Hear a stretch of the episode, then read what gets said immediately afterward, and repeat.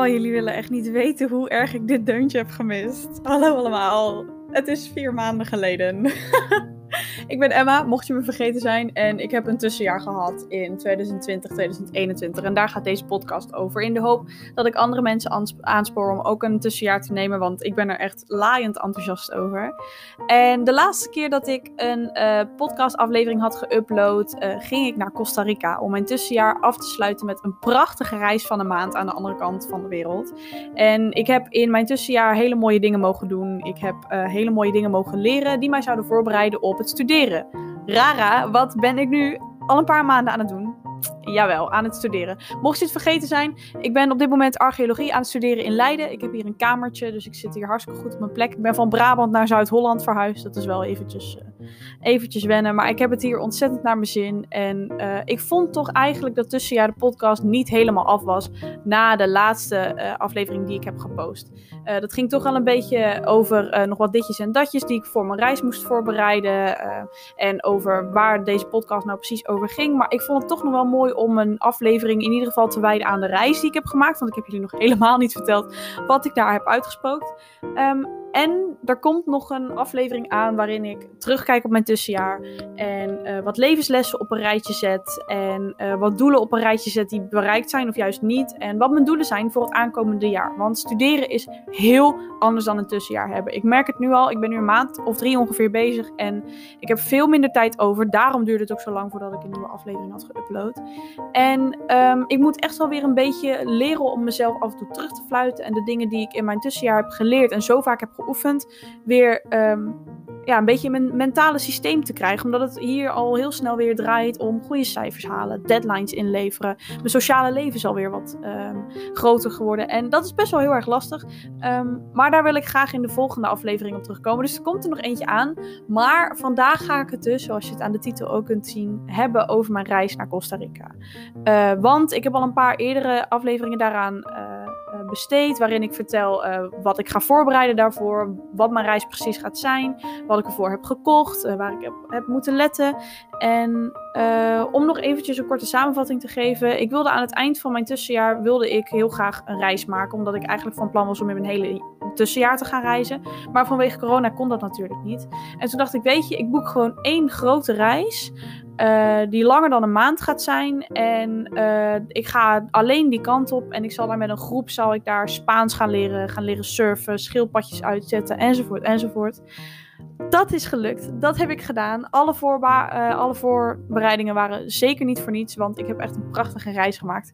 En um, aan de hand van mijn Polar Steps ga ik dat vertellen. Ik heb namelijk een reisdagboek normaal, fysiek. Waarin ik elke dag opschrijf wat ik heb gedaan. Maar aangezien er nog best wel veel mensen uh, benieuwd waren naar wat ik had gedaan. En ik niet heel de tijd de appjes die ik zou krijgen met hoe het daar was. hetzelfde wilde antwoorden. Dacht ik, weet je, ik maak een Polar Steps aan. En dat is een reisdagboek online, een app. En dat is super handzaam, hartstikke handig te volgen. Ik zal het linkje van die Polar Steps ook nog eventjes in de uh, beschrijving van deze uh, aflevering zetten. Zodat je, als je het leuk vindt, bijvoorbeeld de foto's erbij kunt bekijken. Ik heb heel veel foto's daar genomen en ik heb elke dag geschreven. Um, dus ja, laten we maar snel beginnen.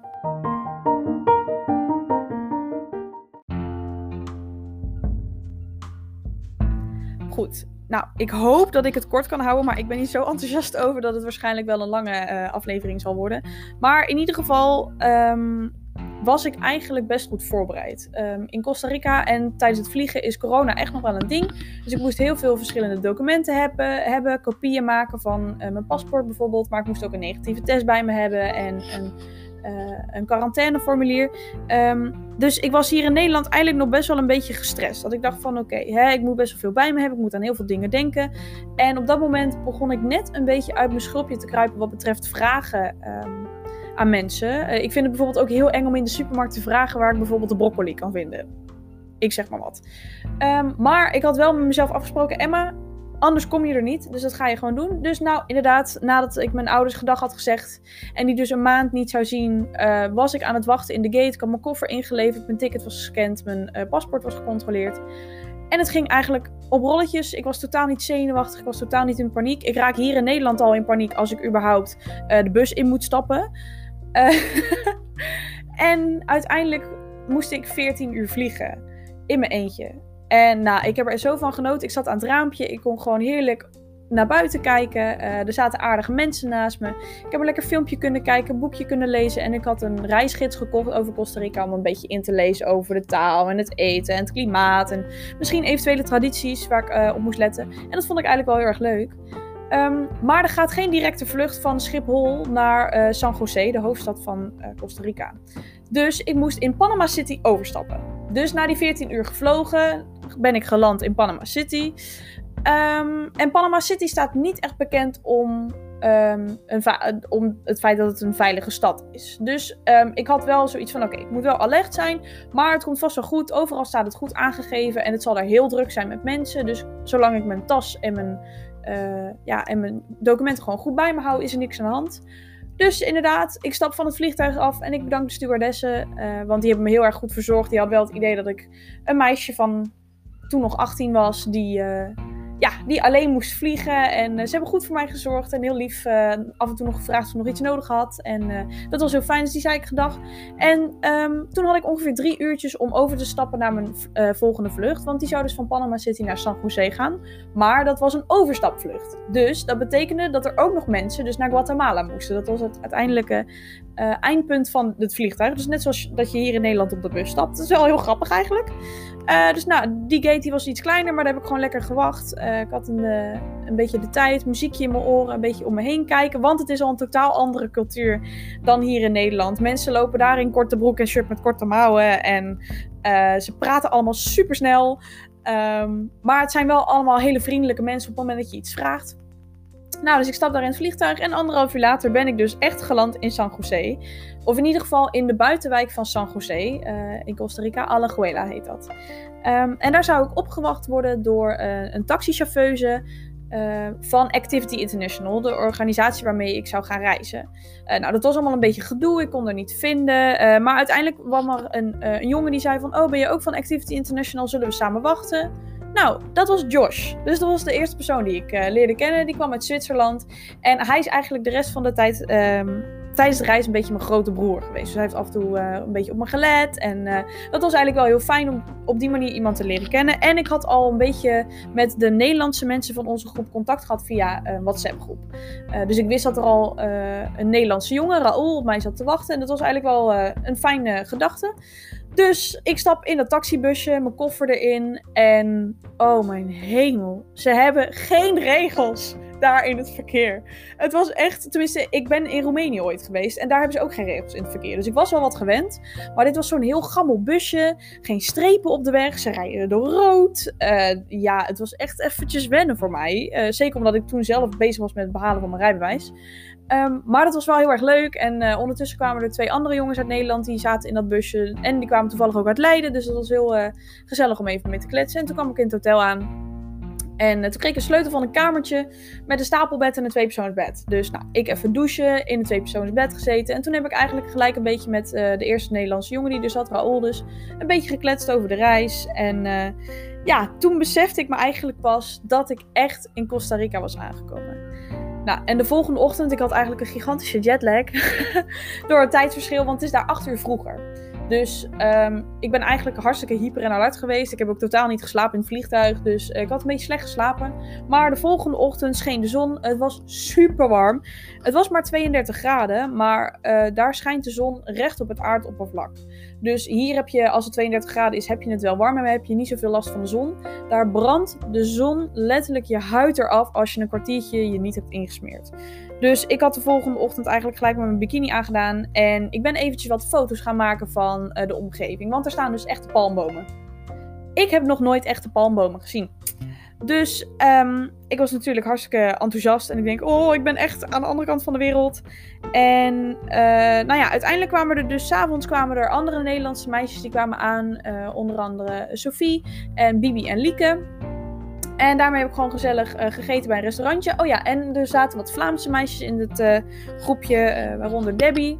En daarmee hebben we gewoon eventjes bij het zwembad gehangen. En daarna zijn we lekker gaan eten. En um, ze hebben daar verschillende soorten restaurants. In Nederland heb je gewoon of een goed restaurant of een Michelin-ster restaurant. Daar hebben ze een soda. Dus daar kun je echt voor omgerekend 5 euro kun je daar eten. of ze hebben een, een wat duurder restaurant. Nou ja, in euro's omgerekend is dat nog steeds helemaal niks. Want bij ons is een duur restaurant zeg maar ongeveer nou, 25 euro voor een satéetje. Daar betaal je nog niet eens 12,50 voor een satéetje. Ze betalen daar namelijk met kolonnes. En kolonnes, 700 kolonnen, is ongeveer een euro. En je kunt daar ook één bedrag afrekenen met en euro's en Amerikaanse dollars en kolonnes. Dus ik had kolonnes en dollars gepind. Um, en dat is omgerekend hartstikke goedkoop. Dus dat was eigenlijk hartstikke chill. En um, uiteindelijk ben ik daar twee nachtjes gebleven. Want de volgende dag dachten wij dat we weg moesten. Maar dat was dus helemaal niet uh, van toepassing. Dus alle Zwitserse mensen waren gearriveerd. Alle uh, Vlamingen waren gearriveerd. En alle Nederlanders waren gearriveerd. En we denken, nou, we kunnen gaan. En dat was dus niet zo. Het heeft de hele avond geregend, dus we hebben gewoon een beetje kennis met elkaar gemaakt en een beetje gechilled. En we zijn naar de supermarkt geweest om wat eten te halen. Uh, waaronder de super lekkere bananenchips. Echt, oh, ik mis ze zo erg. Ze zijn zo lekker. Um, en toen kwam s'avonds kwam Eric, onze gids, uh, die kwam ons een briefing geven over onze week in Monteverde. We zouden namelijk de eerste week een beetje in het... Uh, in het tropisch regenwoud doorbrengen. En dan zouden we activiteiten gaan doen. Zouden gaan hiken en daar een beetje kennis maken met het binnenland van Costa Rica. Omdat we de rest van de weken allemaal aan het strand zouden zitten. Um, nou, we hebben verder uh, heel veel hetzelfde gegeten. In Costa Rica eten namelijk als um, ontbijt, als lunch en als avondeten rijst. En dat is super lekker.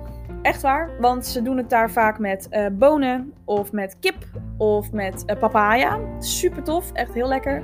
Uh, maar na een week ben je daar wel een beetje klaar mee. Dus er werd wel tegen ons gezegd van bereid je voor op niet heel erg divers eten. Maar dat gaf helemaal niks. De volgende ochtend gingen we namelijk met het busje richting Monteverde. Het was ongeveer een uurtje of vier rijden vanuit Alajuela. Uh, dus nou, het was super gezellig. We hebben lekker zitten zingen in de bus en een beetje kennis met iedereen gemaakt. En uh, ja, we hadden ochtends natuurlijk nog wel gewoon een lekker ontbijtje. Laat maar raden. Rijst. Uh, maar na een uurtje of vier hadden we onze spullen in de hostel gedropt. En zijn we eigenlijk gelijk uh, gaan hiken. En we zouden naar een plekje gaan waar uh, we de mooie zonsondergang konden zien. Maar het was een beetje bewolkt en het regende. Dus ik met mijn knaloranje regenjas ging daar gewoon lekker op de foto. En we vonden het heel leuk om, om foto's te maken, dat sowieso ook. En toen kwamen we eigenlijk terug. En toen zeiden we van, weet je wat we gaan doen? We gaan uit eten met z'n allen. Want ja, we moesten ons avondeten dus wel zelf betalen. Dus je betaalt bij Activity International betaal je voor een bepaald pakket. En daar zitten bijvoorbeeld je slaapplaatsen en je uh, activiteiten bij. Maar niet je eten voor s'avonds. Um, dus, uh, maar dat gaf helemaal niks, want daardoor kon ik gewoon lekker zelf kiezen wat ik wilde. En ik heb daar platanos gegeten. En platanos is een soort van gebakken banaan, maar eigenlijk ook weer niet. En dan als toast. En dat kun je dus dippen in black soup. Dat is uh, bonensaus, zwarte bonensaus. Of uh, guacamole. Guacamole heb ik daar ook heel veel gegeten. En dat was echt hartstikke lekker. Um, en uiteindelijk heb ik daar s'avonds geslapen met uh, alle tiende meiden van de groep. ja, in één hostelzaal. Dus dat was ook wel een beetje nieuw. de volgende ochtend gingen we ontbijten. Dit was wederom rijst. En toen kwamen er aapjes kijken. En toen besefte ik me eigenlijk pas een beetje: oké, je bent dus nu echt in de jungle, zeg maar. Uh, die kwamen gewoon lekker chillen bij ons. En die aten stukjes mango uit onze handen. Nou, het was echt bizar. Het was zo leuk. Ik kon zoveel dingen al in die eerste paar dagen van mijn bucketlist afstrepen. Um, en dat heb ik ook continu gedaan. Ik heb elke keer op het moment dat ik in mijn reisdagboek, in mijn fysieke reisdagboek, ging opschrijven wat ik die dag had gedaan, zette ik een zwarte streep onder iets wat ik heel bijzonder vond en wat ik heel graag al een tijdje wilde meemaken. En dat was dus ook dit soort aapjes in hun natuurlijke habitat zien. Want ja, apenhul is leuk, maar hè, toch een beetje anders. En toen gingen we hiken um, naar uh, eigenlijk een soort van, ja, ik weet niet, een, een ficusboom. En die had wortels ongeveer een metertje of 4, 5 boven een rivier. En uh, nou, het was een superleuke hike, was maar een half uurtje. En op een gegeven moment zei Eric, onze gids, die zei... Ja, um, you can climb. Wij zo, are you kidding? Vier, echt 4 meter hoog, je kon er bijna niet op zitten. Maar hij zei, ja, yeah, go. En toen had ik wel zoiets van, oké, dus zo'n soort reis wordt het. Ik ga bepaalde grenzen waarschijnlijk verleggen die ik niet van mezelf ken. Um, waarvoor ik natuurlijk kom, maar ik schrok wel even. Dat ik dacht van, oké, in Nederland doe ik er al best wel moeilijk over als mijn ouders vragen, goh, ga je mee wandelen? Nou ga ik ineens een soort van ficusboom beklimmen met wortels 4 meter boven de grond. Maar het was super tof om te doen. En we hebben met z'n allen op een rijtje erop gezeten. Echt een hele leuke foto van gemaakt. Dus ga vooral naar mijn Polar Steps om nog eventjes de foto's te bekijken. Als je die nog niet hebt gezien. En toen gingen we smiddags ziplinen. En ik vond het zo leuk, want ik was er eigenlijk al de hele tijd naar aan het uitkijken. Op het moment dat ik een beetje op Instagram had gekeken naar uh, mensen die ook deze reis hadden gemaakt. Want ik zou namelijk anderhalve kilometer lang, op zijn langst, boven het tropisch regenwoud vliegen. Nou, echt zo, zo ontzettend vet. En ik wilde eigenlijk heel graag bungee jumpen. Ik had met mezelf afgesproken, Emma, bucketlist dingetjes. Je gaat bungee jumpen in Costa Rica. En er zou ook een bungee jump zijn. Maar ik vond die toch niet zo heel mooi. En het was toch best wel aan de prijs. Want voor deze activiteiten in de middag moest je vaak ook nog extra bijbetalen. Omdat daar uh, gereedschap bij komt. En een gids en dat soort dingen. Dus we gingen naar um, het, uh, het Zipline Park. En uh, nou, er zijn geweldige foto's van mij gemaakt daar. Uh, je had kleine zipjes. Je werd eerst een beetje uitgelegd hoe je de handschoen moest gebruiken. Hoe je moest remmen. En hoe je moest zorgen dat je niet ging spinnen en dat soort dingen. En toen vond ik het wel erg spannend. Want toen dacht ik, oh oh, wat nou als er echt iets fout gaat? Um, maar uiteindelijk had ik het remmen en het niet spinnen super onder de knie. En dat kwam eigenlijk een beetje door die korte zipjes. Dat was gewoon al best wel op een metertje of, nou wat zal tien hoogte. Dus je leerde echt wel goed omgaan met uh, de wind in je haren. En uh, ja, het was echt super tof. En uh, nou, toen moest ik dus anderhalve kilometer boven de... Um, boven het tropisch regenwoud. Alleen ik was te licht. Dus ging ik samen met Debbie, met mijn Vlaamse vriendinnetje, gingen wij anderhalf kilometer boven ja, boven Monteverde eigenlijk vliegen. En dat was zo vet om te doen. Ik vond het echt super sick. En uh, er zijn ook foto's en mooie video's van gemaakt. En uh, uiteindelijk, aan het eind van onze. Oeh, ik zie die video nu ook, jeetje. Um, aan het eind van onze uh, zipline track um, hadden we ook de Superman. Dus dan ging je dus niet zittend van, dat, uh, van de line af, maar echt plat op je buik. En dat is wel spannend, want als je dan naar beneden kijkt, dan denk je: oké. Maar dat was super cool, want je kon gewoon je armen spreiden en doen alsof je Superman was. En echt, ja, was echt super tof. Um, en daarna kregen we eigenlijk het meest spannende van de hele trip. Uh, en dat was namelijk de Tarzan Swing. En ik wilde heel graag bungee jumpen. Uh, nou, dat heb ik geweten, want dit was dus een soort van ja, gigantische schobbel. 50 meter naar beneden. En toen dacht ik wel even, oké, ga ik dit echt doen? Dus ja, we moesten af en toe over gammele bruggetjes, moesten we dus van platform naar platform uh, lopen. En net op dat moment zagen de gidsen uh, in het park, die zagen bliksem aankomen. Dus ik moest even wachten. En ik was me eigenlijk al mentaal aan het voorbereiden. Ik denk, oké, ik stort zo meteen wel 50 meter naar beneden, zeg maar, aan het touwtje. Um, en toen zei ze ineens, no, you can't go, uh, there's a lightning over there. En toen dachten we, oh oh, nou oké, prima. Dus wij daar een kwartier boven gezeten. En ineens zei ze, oh, you can go now. En toen dacht ik, oh, ik heb me niet mentaal kunnen voorbereiden. En ik werd gewoon in, dat, uh, in het uh, dingetje geritst. En uh, ze zeggen van ja, je moet je knieën buigen en van een platform afstappen. En ik vlieg 50 meter aan een touwtje naar beneden. Nou, echt. Het was zo cool. Als je, je, ik heb ook verschillende video's van beneden en van boven. En dan hoor je mij dus ook echt zo'n heel gek geluid maken. Omdat de wind echt in je keel schiet. Maar het was zo cool om te doen. En zo'n gek gevoel het, zeg maar, een achtbaan is er niks bij. Maar ik was zo blij dat ik het had gedaan. En ja, ik, ik, zou het echt zo nog een keer doen. Ik, echt, ik heb er heel veel zin in. Als ik dit ook zo zie, dan denk ik, oh, het is echt hoog. Maar het was zo vet om te doen. Nou, dus iedereen was geweest. Iedereen was hartstikke enthousiast. En uh, nou ja, ik vergeet af en toe ook nog eens, als ik dit soort foto's zie, dat ik gewoon leuke dieren blijf spotten in Costa Rica. Het is namelijk niet zo dat je daar een keer een duifje tegenkomt of zo. Nee, ik zag ineens een toekan in de boom ja, dat zijn van die dingen die kom je hier niet tegen. En dat is leuk in een dierentuin, maar in een natuurlijke habitat is dat toch iets anders. Dus uh, ja, daar vind, ik vind dat altijd wel hele leuke foto's. En toen hebben we s'avonds hebben wij gegeten in een restaurant dat uitzicht had over de vallei van Monteverde. En uh, we hadden ondertussen hartstikke harde bliksem en donder. En ja, was echt één uh, grote experience. Um, en na een kort nachtje slapen, um, want ik moest om vijf over half vijf in een busje zitten richting het park met de tien watervallen. Um, zijn we uiteindelijk onze um, hike um, gaan doen. En dit was echt de hike. Uh, onze gids Eric had gezegd van weet je, dit kost misschien wat extra geld. Maar doe dit alsjeblieft, want dit is echt het vetste wat je kunt doen. Dat heb ik geweten, want uh, ik ben dus om vijf over half vijf uh, mijn hike spullen gaan aandoen. In een busje gestapt. En het werd eigenlijk net echt een beetje ochtend in Monteverde. En toen zijn we dus een hike gaan doen. Eerst naar beneden, langs tien watervallen. Um, En eigenlijk een beetje langs een meertje. En ik moest ook echt over van die touwbruggen. Die je wel eens in Indiana Jones en zo ziet. Dus het voelde, het was echt zo'n ehm, ja, bizarre ervaring om zo eigenlijk tussendoor nu. Of eigenlijk over de grond door zo'n regenwoud te lopen. Dus ik had, de dag ervoor had ik gevlogen eroverheen. En nu kon ik dus echt over de grond echt erin. Um, nou, die watervallen waren echt prachtig. Het was alleen wel echt zijknat op het moment dat je daar een foto wilde nemen. Dus ben echt regelmatig gewoon op mijn knieën echt gevallen. Want het was daar echt wel glad. Um, en Eric die had um, lekkere snackjes zoals watermeloen en mango en ananas meegenomen om echt te snijden naast een riviertje. Dus ik voelde me echt een soort van Expeditie Robinson uh, kandidaat. Dat ik dacht, wow, dit is eigenlijk wel cool. En uh, ja, ondertussen hebben we mooie foto's gemaakt van de hangbruggen. En uh, ja, dat was eigenlijk super cool. Alleen het was wel een heftige hike. Er werd ook echt gezegd van oké, je moet er straks ook weer naar boven. Nou, voor mijn conditie was het echt super slecht. Maar ook weer was dit een grens waarvan ik niet wist dat ik hem had. Die ik toch gewoon heb overwonnen, want je moet door.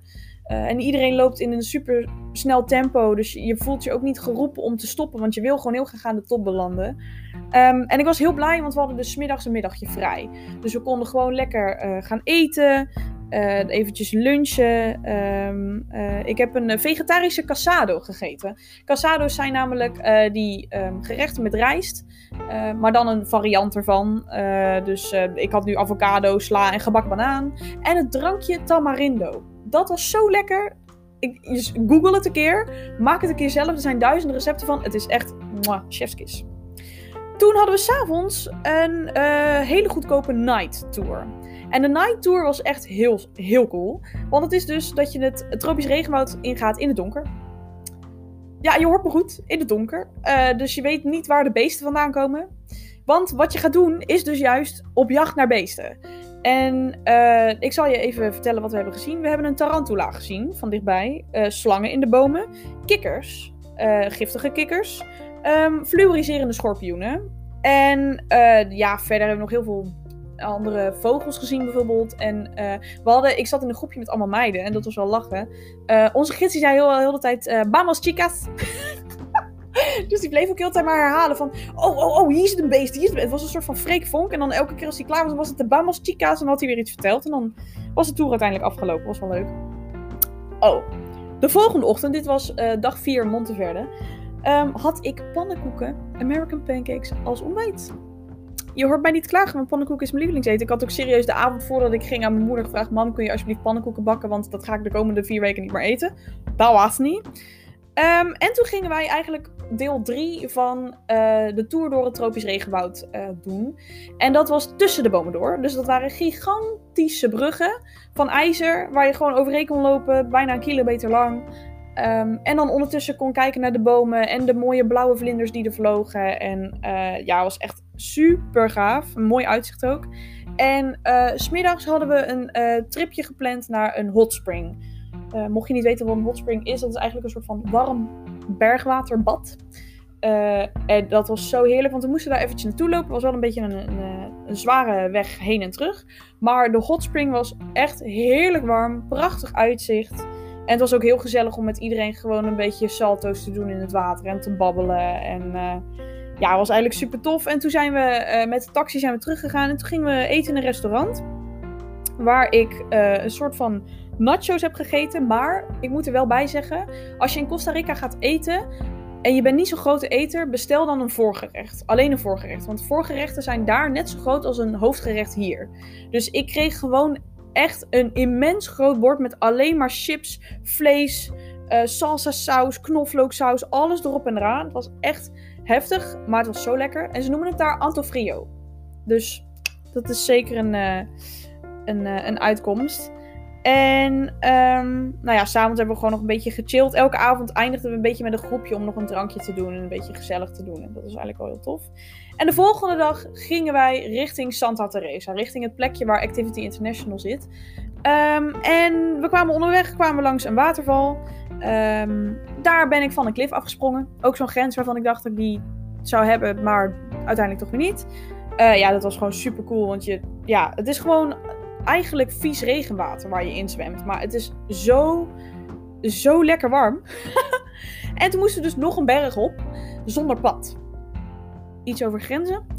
nou, daar hebben we gewoon een beetje, bij nog een waterval hebben we gewoon ehm, een soort van sandwich gemaakt. Die, met spulletjes die Eric had meegenomen. Dat was echt super lekker. En daar vloog je trouwens echt de blauwe vlinders je om de oren. Die zijn zo mooi. Echt die mooie, weet je wel, die emojis van iPhone. Zo'n vlinder, die heb ik daar alleen maar zien vliegen. Echt prachtig. Ehm, en toen zijn we uiteindelijk na een klein busritje bij de pont beland. En we gingen toen met de pont richting Santa Teresa. Uh, nou ja, en dan kom je dus weer in een heel andere ja, natuurlijke omgeving. Want je bent natuurlijk eerst een tropisch regenwoud. En nu kom je dus echt met, uh, ja, aan bij mangrovenbossen. En ja, echt vlak strand. En heel helder blauw water. Dat je ineens denkt, oké, ehm, dit is ook apart. Um, en we hebben daar gewoon een beetje s'avonds burgers gegeten en kennis gemaakt met de mensen die al in het kamp zaten van Activity International. Um, want Santa Teresa is een van de bekendste surfersdorpjes. Um, en daar heb je uh, Chris, de eigenaar van het kamp. Jaquera heette het kamp. Uh, die ons een beetje welkom heette en vertelde over wat Santa Teresa nou precies te bieden heeft. En waarom het zo leuk is om, uh, om daar te surfen enzovoort enzovoort. Um, en toen, s'avonds, werd ik 19. ja, dat was een hele bizarre ervaring. Ik werd 19 in Costa Rica. En uh, dat had ik eigenlijk een beetje zo gepland, omdat ik wel een maand eerder kon vertrekken, maar dan zou ik in quarantaine moeten op mijn verjaardag. En daar had ik eigenlijk niet zo heel veel zin in. Um, en toen zei ik tegen mijn ouders: Weet je, ik ben 16 geworden in Spanje. Ik weet nu hoe het is om uh, jaag te zijn in een ander land. Um, ik vind het heel vervelend, want ik vier het natuurlijk heel graag met jullie. En ik wil eigenlijk dat jullie me ochtends gewoon wakker zingen en me taart brengen en cadeautjes voor me hebben. Um, maar het lijkt me wel heel gaaf om dat een keer mee te maken. En dus iedereen ging voor me zingen om 12 uur. En mama die had een uh, pakketje met kaartjes en cadeautjes in mijn koffertje gedaan. Dus uh, ja, ik was natuurlijk hartstikke happy de peppy.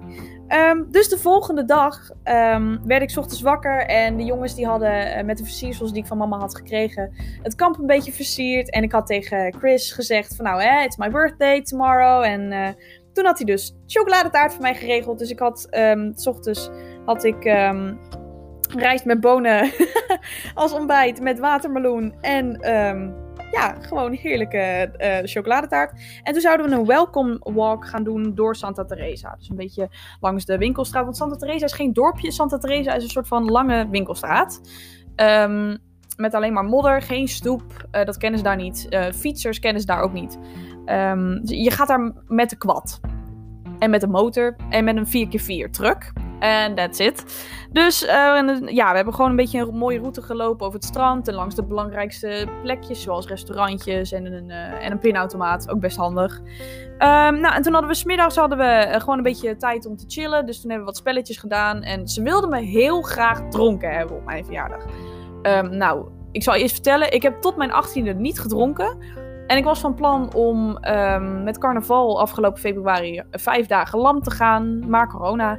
Dus ik had eigenlijk vrij weinig tot geen ervaring met alcohol. En ik had ook wel toen ik naar Costa Rica ging en ineens de Zwitsers allemaal aan de drank begonnen, dat ik dacht van, huh, ben ik op een zuipvakantie beland? Maar smiddags vond het heel leuk om met een soort van smeernof met verschillende smaakjes. Um, dus appel, weet ik veel, uh, sinaasappel. Uh, spelletjes te doen. Dus dat vond ik ook wel leuk. Dus ik ging eigenlijk al een beetje aangeschoten richting het restaurant dat ik had uitgekozen. Um, ik mocht namelijk kiezen die avond waar we gingen eten. En um, Argentinië moest tegen Brazilië voetballen. Dus dat was natuurlijk al een en al uh, gezelligheid in dat café. Uh, en ik had kaarsjes voor mezelf gekocht om in mijn nachos te duwen. dus ik had die kaarsjes aan laten steken door, uh, door Debbie. En uiteindelijk begon heel het restaurant Happy Birthday te zingen. Dat was ook super leuk. Ik had trouwens ochtends wel eventjes gebeld met papa en mama. Het was toen bij mij tien uur ochtends en bij hun vier uur middags. Dus het was wel een beetje apart. Maar ze hadden taart voor mij daar gehaald.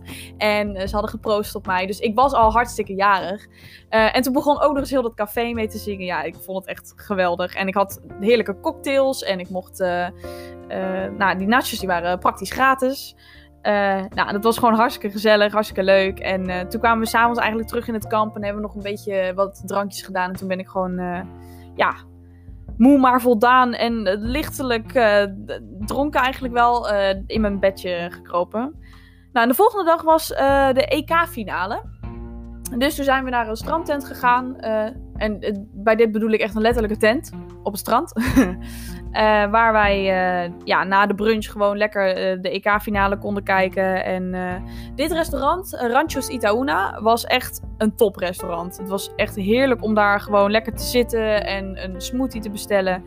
En uh, s'avonds kregen we eigenlijk een briefing over de weken erna. We zouden namelijk twee weken lang zouden we Spaans krijgen. En we zouden een week tussendoor naar uh, Sirenas gaan.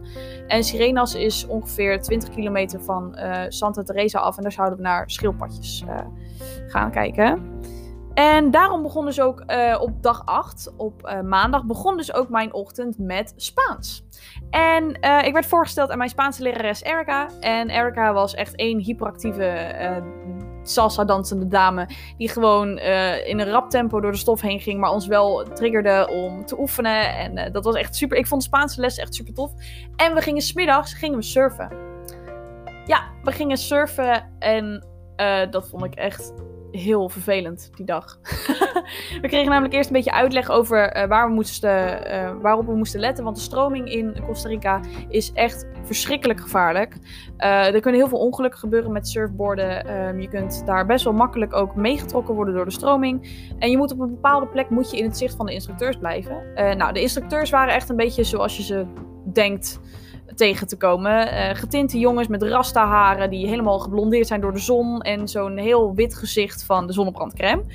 Um, en uiteindelijk kregen we na een beetje uitleg en oefening over hoe je moest opstaan. Want je moet natuurlijk liggend moet je gaan peddelen en dan moet je dus opstaan. Konden dus het water op en ik was kapot. Want het lukte alsmaar niet. Het is heel lastig om te blijven staan. Die golven zijn gigantisch hoog. En eigenlijk moet je ook weer, als je dus in de branding bent, terug een beetje naar het diepe. Nou, en dan komen dus die golven op je af en die stroming. Het was allemaal zwaar en ik had wat pijn en ja, het was eventjes wennen. Maar um, uiteindelijk heb ik gewoon s'avonds lekker, uh, lekker kunnen chillen in het kamp. En uh, we hadden eten besteld, want we wilden eigenlijk naar een soda toe. Maar we waren toch een beetje te lui. Dus uh, ja, het was gewoon lekker. Je kunt ook eigenlijk in Costa Rica alles eten. Ze eten wel rijst als eten de hele dag door. Maar je kunt daar ook gewoon Italiaans bestellen. Of een pizza maken. Of, we mochten ook gebruik maken van de keuken in Jaquera. dus dat was ideaal, want dan konden we s'avonds bijvoorbeeld een keer ons eigen eten koken. Nou, de volgende dag was het gewoon een beetje een, een, een chill dagje. Ik had, s ochtends had ik Spaans en smiddags had ik een lunch. Um, en toen ben ik daarna eigenlijk naar het strand gegaan. En um, het surfen ging die dag eigenlijk al wel wat beter. Ik moet zeggen dat op het moment dat je... Ja, oefening baart echt kunst, zeg maar. Uh, en ik had ook een andere instructeur, ze roleerde namelijk. ik had eerst had ik, Diego en toen kreeg ik Jesus. En Jesus is ook echt, was ook echt een Jezus. Die had ook echt een gigantisch gespierd lijf met rasta haren en overal tatoeages. en zijn we s'avonds zijn we cocktails gaan doen bij de strandtent van Santa Teresa, Banana Beach. En uh, dat was namelijk op aanraden van de Britse groep die ook bij ons in het kamp zat. Uh, was namelijk opgedeeld in verschillende uh, huisjes. En ik sliep in de boven, op de bovenverdieping en de jongens sliepen in een soort van ja, bungalow. En dan had je in de grote bungalow had je dus alle Britten zitten. Nou, dat was echt hartstikke gezellig en hartstikke leuk. Dus toen hebben we s'avonds cocktail gedaan en toen was het Israeli night. Dus toen heeft eigenlijk uh, de kok uh, van het kamp heeft ervoor gezorgd dat wij gewoon lekkere broodjes falafel konden eten met hummus. En oh, echt zo lekker. Um, en de volgende ochtend gingen we een mini-hike doen. En met mini-hike bedoel ik ook echt mini-hike, want de hikes in Monteverde waren veel heftiger dan dit. Um, en uh, daarmee bedoel ik eigenlijk dat we gewoon, um, ja, basically naar het strand gingen.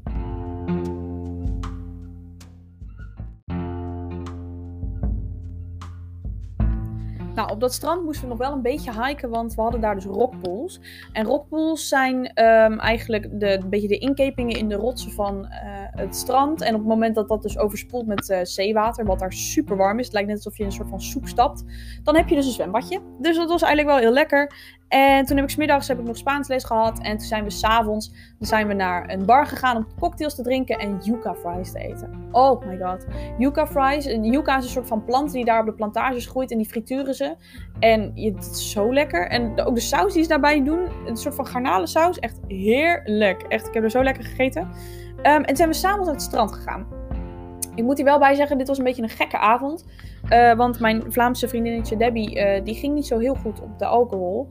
Ehm, waardoor ik dus eigenlijk die hele avond ehm, heel erg goed heb geleerd om met vervelende situaties omtrent die alcohol om te gaan. Dus ik heb uh, pot staan opruimen, ik heb mensen moeten ondersteunen, ik heb mensen in bed moeten leggen. en daardoor ben ik dus eigenlijk, nu ik student ben, best wel oké met het feit dat mensen bijvoorbeeld ziek worden van de alcohol. Eerst was ik daar echt super bang voor en dacht ik van nou, mij niet bellen. Maar uh, dat heb ik daar ook wel weer heel erg geleerd. Dus dat was eigenlijk ook wel mooi. Nou, de volgende ochtend zaten we allemaal een beetje moe bij de Spaanse les. um, en ik moet ook zeggen dat het wel fijn was dat die surfles ook steeds beter ging. Want echt met die weinige hoeveelheid energie die ik die dag had, had ik dat echt niet goed kunnen doen. Maar we mochten al een beetje leren sturen. En dat betekent dus dat je echt super hard bijvoorbeeld naar, naar rechts of naar links kan. Ik vond het zo leuk om te doen. Echt super tof. En uh, toen was er s'avonds was er gewoon in het kamp een relaxed barbecue georganiseerd door een van de jongens die daar zat. En uh, hij had, dat is echt het lekkerste toetje ever, um, ananas van de grill met vanille-ijs. Ik, echt een tip, een pro-tip. Studentenvoer, top. Echt heerlijk. En de volgende dag werd het alleen nog maar beter, want toen ontbeet ik met American pancakes met maple syrup. Dat land is zo ver-Amerikaans. Ik weet niet hoe je dat precies zegt, maar in ieder geval, mensen eten daar Amerikaans, spreken daar heel veel Amerikaans. Costa Rica is ook eigenlijk een beetje wat Frankrijk voor Nederland is als vakantieland. Ehm, dus het feit dat je daar met dollars kunt betalen, zegt al een hoop. En dan het feit dat je ook kunt ontbijten met American pancakes. En dat het heel normaal is, zegt veel meer eigenlijk al. Uh, nou, toen had ik soms natuurlijk Spaans. En elke les bespraken we iets anders. Dus de ene keer was het uh, persoonlijke voornaamwoorden. Dan was het werkwoorden. Dan leerden we uh, uiterlijke kenmerken. Dan leerden we vocabulaire over de zee, zon en strand. dus ik heb ook echt in een boekje al die woordjes overgeschreven. Elke keer als ik klaar was. zodat ik het een beetje kon leren. en dat vond ik eigenlijk wel heel fijn. En toen gingen we s'avonds naar het strand. Om de sunset te bekijken. Want elke avond is daar de sunset echt prachtig. De, de, ja, ik kan het eigenlijk niet eens beschrijven. De lucht die kleurt daar paars, blauw, groen, geel, oranje. Elke kleur en dat een uur lang. Hier in Nederland heb je wel eens als, de, als het een beetje rood is, dan denk je, oh mooi, cool. Maar daar is echt, het is echt een geval apart. En s'avonds gingen we dus bij Ranchos Itaúna, bij die strandtent, gingen we dus eten, omdat het Ladies Night was. Nou, dat was echt een ervaring van hier tot Tokio. Um, want er was een, uh, een DJ, en een bingo. Een meisje van mijn kamp, Annika, die had letterlijk de massage die je kon winnen met de bingo gewonnen. Dus dat was hilarisch. En de eigenaresse die kende de vrouw van Chris, de eigenaar van Shakira. Dus die zei, oh, you're from Shakira. I got a shot for you. It's from Brazil. Uh, from Brazil. And I'm a Brazilian woman. So why don't you taste it? En super lief. En toen waren ze uiteindelijk ons eten vergeten. Dus toen kregen we nog meer gratis shotjes en gratis mojito's. Echt, oh, ik had, ik had een goede avond. En toen hebben we s'avonds gewoon nog een beetje in het zand op de dansvloer gestaan. En dan gaan er natuurlijk allemaal shirts uit. En je vergeet af en toe een beetje dat je in Latijns-Amerika staat. Dus ja, was een hele fijne, leuke avond. En toen was het alweer zaterdag. Dus de eerste week in Santa Teresa zat er alweer bijna op. En zaterdag is altijd de dag dat je vrij bent, heb je geen verplichtingen. Maar smiddags is dan de markt op het strand. En ik dacht echt, het wordt echt 2 euro voor een kilo. Eenmaal andermaal. Nou, totaal niet. Dat is echt een ontmoetingsplek waar alle Amerikanen naartoe komen, alle surfers naartoe komen, alle spirituele mensen. Gewoon om een beetje met elkaar te babbelen. En die markt is daar voor mensen echt een bijverdienste. Dus ik heb daar hele mooie armbandjes gekocht. Vier. Ik heb er twee met een edelsteen en eentje met een schildpadje en eentje met een schelpje gekocht. En toen zijn we daarna nog even een uh, taartje gaan eten bij de bakery. De bakery is daar echt het Pinterest restaurant. restaurant zo, het kwam lekker Amerikaans uit. Uh, waar je ooit gegeten moet hebben als je in Santa Teresa bent. Het is het ligt aan een modderige weg, maar het is, ze hebben daar chocoladetaart. Oh, heerlijk. Um, en toen ben ik daarna nog wat souvenirs gaan shoppen. Want ik wilde nog wat geld overhouden. En ik dacht van, nou weet je, dan kan ik dat gelijk maar geregeld hebben. Um, en ik wilde vooral ook souvenirs voor mezelf mee. Dus op dit moment hangt er in Leiden een bordje, een geschilderd bordje met een uh, schildpad erop en Pura Vida erop. Pura Vida is daar eigenlijk een beetje de relax, take it easy um, quote. Dat gebruikten ze daar als begroeting, maar ook om een beetje aan te geven van, joh, hè, het is oké, rustig. Um, want het grappige is dus dat wij als Europeanen, als wij te laat komen ergens, dan is tijd een way of life. En daar is tijd een richtlijn. Dus daar kwam onze bus wel eens een half uur te laat. En konden we zelf een kwartiertje te laat komen. En uh, dat heeft bij mij die eerste weken wel een beetje moeten indalen. Dat ik dacht, oké, ik ben en blijf een Europeaan die heel erg gebrand is op afspraken. Daar komt het allemaal wel goed. En uh, dat was een hele mooie reminder voor mezelf. En nu heb ik ook toevallig mijn uh, Pura Vida shirt aan uit Santa Teresa. Er staat ook echt Santa Teresa heel groot op mijn rug. dus dat is wel heel leuk. Maar ik ben wel heel blij met die souvenirs, want die waren daar echt totaal niet duur. Ehm, en de volgende dag eh, hadden we een tripje dat geregeld was vanuit Jakera. Daar kon je je voor inschrijven op een groot formulier op een prikbord. En we gingen naar Isla Tortuga. En dat is dus schildpad-eiland, omdat het dus de vorm heeft van een schildpad. Um, en we gingen dus die kant op met een bus. En toen kwamen we dus in een national park aan. En daar zouden we een route moeten lopen om bij een privéstrandje uit te komen. En Eric, onze gids, die was mee. En het was heel gezellig. En op een gegeven moment lopen wij die kant op. En hij zegt, ja, het is maar een uurtje lopen. Maar wij komen naar, hoe? Wij komen na een kwartier, komen wij al aan bij een groot hek met prikkeldraad. Dus ik als Europeaan zeg, nou, Eric, ik denk niet dat we hier doorheen mogen. Sorry, maar ik keer om. En hij zegt, if you're staying, you're a pussy. Dus ik denk, wow, dat zeg je niet nog een keer tegen mij. Dus wij met die hele groep over dat prikkeldraad heen gestapt. En we komen na twee uur wandelen. Het was een prachtig uitzicht hoor, daar niet van. Ik heb ondertussen apen in de boom gehoord. En uh, hele mooie grote ara's, die hele mooie uh, rode papegaaien gezien. Echt super gaaf. Um, komen wij op dat strandje aan en staat een beveiliger. En wij eten onze sandwich. En hij zegt, ja, uh, you need to turn around. Dus we mogen die twee uur mogen weer in de hitte terug. Echt, ik had een blouse aan. Nou, die heb ik daarachter kunnen laten. Die was helemaal geel van het zweten en van de zonnebrand. Echt, echt heel vies. Um, maar uiteindelijk was het wel heel grappig. En op de terug kwamen we uh, gordeldieren tegen. Ik heb nog nooit gordeldieren gezien. Ik vond het helemaal leuk. Um, en toen konden we uiteindelijk op een bootje stappen. Het was echt een soort van Expeditie Robinson bootje. Ook echt zo'n baai dat je denkt van nou, zet hier een hutje neer en geef me een paar vuurstenen en een camera erop en klaar. en uh, nou, zwemvesten aan. En toen gingen we dus naar Tortuga Island en dan konden we dus aan de kliffen konden we daar snorkelen. Dat vond ik wel weer een beetje spannend, want dat was ongeveer een jaartje of drie, vier geleden. Uh, maar dat was super gaaf om te doen. Dus daar kon in mijn reisdagboek ook weer een zwarte streep onder van mijn bucketlist. Um, en s'avonds begon het weer een hele mooie sunset te worden. En toen zijn we naar een, uh, een klein eilandje naast uh, Isla Tortuga geweest. Een beetje het, het, toeristische gedeelte. Helemaal uitgestorven. En toen gingen we op krabba safari. Nou, dat was ook helemaal leuk. Want de krabben lopen daar over je voeten heen. Dus je moet een soort van zaklampje schijnen. Um, en dan kom je allemaal paarse krabben tegen. En zwarte krabben. En ze klimmen in de bomen. En je hoort ze met hun scharen klapperen. En ja, het was echt heel leuk. En er liep dan ook een gids rond die dan ook vertelde over verschillende soorten. En uh, ja, was helemaal leuk. Nou, en toen gingen we dus in het bootje terug. En toen zeiden ze tegen ons: Je gaat nog een keer snorkelen. En zeiden wij: Yo, hoezo? Weet je wel, er is geen reet te zien. En ik had stiekem ook wel zoiets van: Ja, ik weet dat hier geen haaien zwemmen. Maar toch vind ik het een beetje eng. En toen zeiden ze: Hier leeft lichtgevend plankton. En toen dacht ik: Wat? Oké. En dat had ik ook al stiekem een beetje gezien op het strand van Isla Tortuga. Omdat daar de stranden een beetje licht fluoriserend blauw zijn. Dus ze zeiden van ja, je kunt je zwemvest aanhouden. Hier doe je duikbril op en spring in het water. Nou, en, en inderdaad, op het moment dat jij je handen daar beweegt, is er dus lichtgevend plankton. Wat jou een beetje omringt. Je geeft gewoon licht. Het is echt bizar. Het was zo mooi. Alsof je sterren in de zee had. Daar leek het op. Ik vond het echt prachtig. Uh, nou, en toen hadden we s'avonds gewoon nog lekker uh, nachos gegeten. Mij hoor je niet klagen.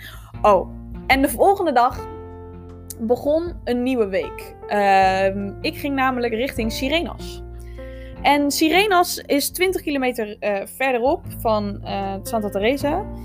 Um, en daar is een soort van bedrijf met vrijwilligers dat zich bezighoudt met het, um, met het behouden van het natuurlijke habitat van de schildpadden die daar leven.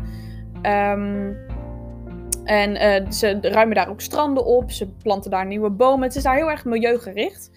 Um, milieuvriendelijk ook. En um, elke keer als er een groep terugkwam van sirenes, die gingen namelijk elke keer, elke keer gaat er een, een groep een weekje lang uh, die kant op. Die kwamen dan terug en die zeiden van ja, uh, we moeten alleen maar night patrol doen. Dus dat is over het strand lopen. En dan gebeurt helemaal niks. Want je moet zorgen dat er mensen bijvoorbeeld geen, geen eieren stelen van de schildpadden enzovoort.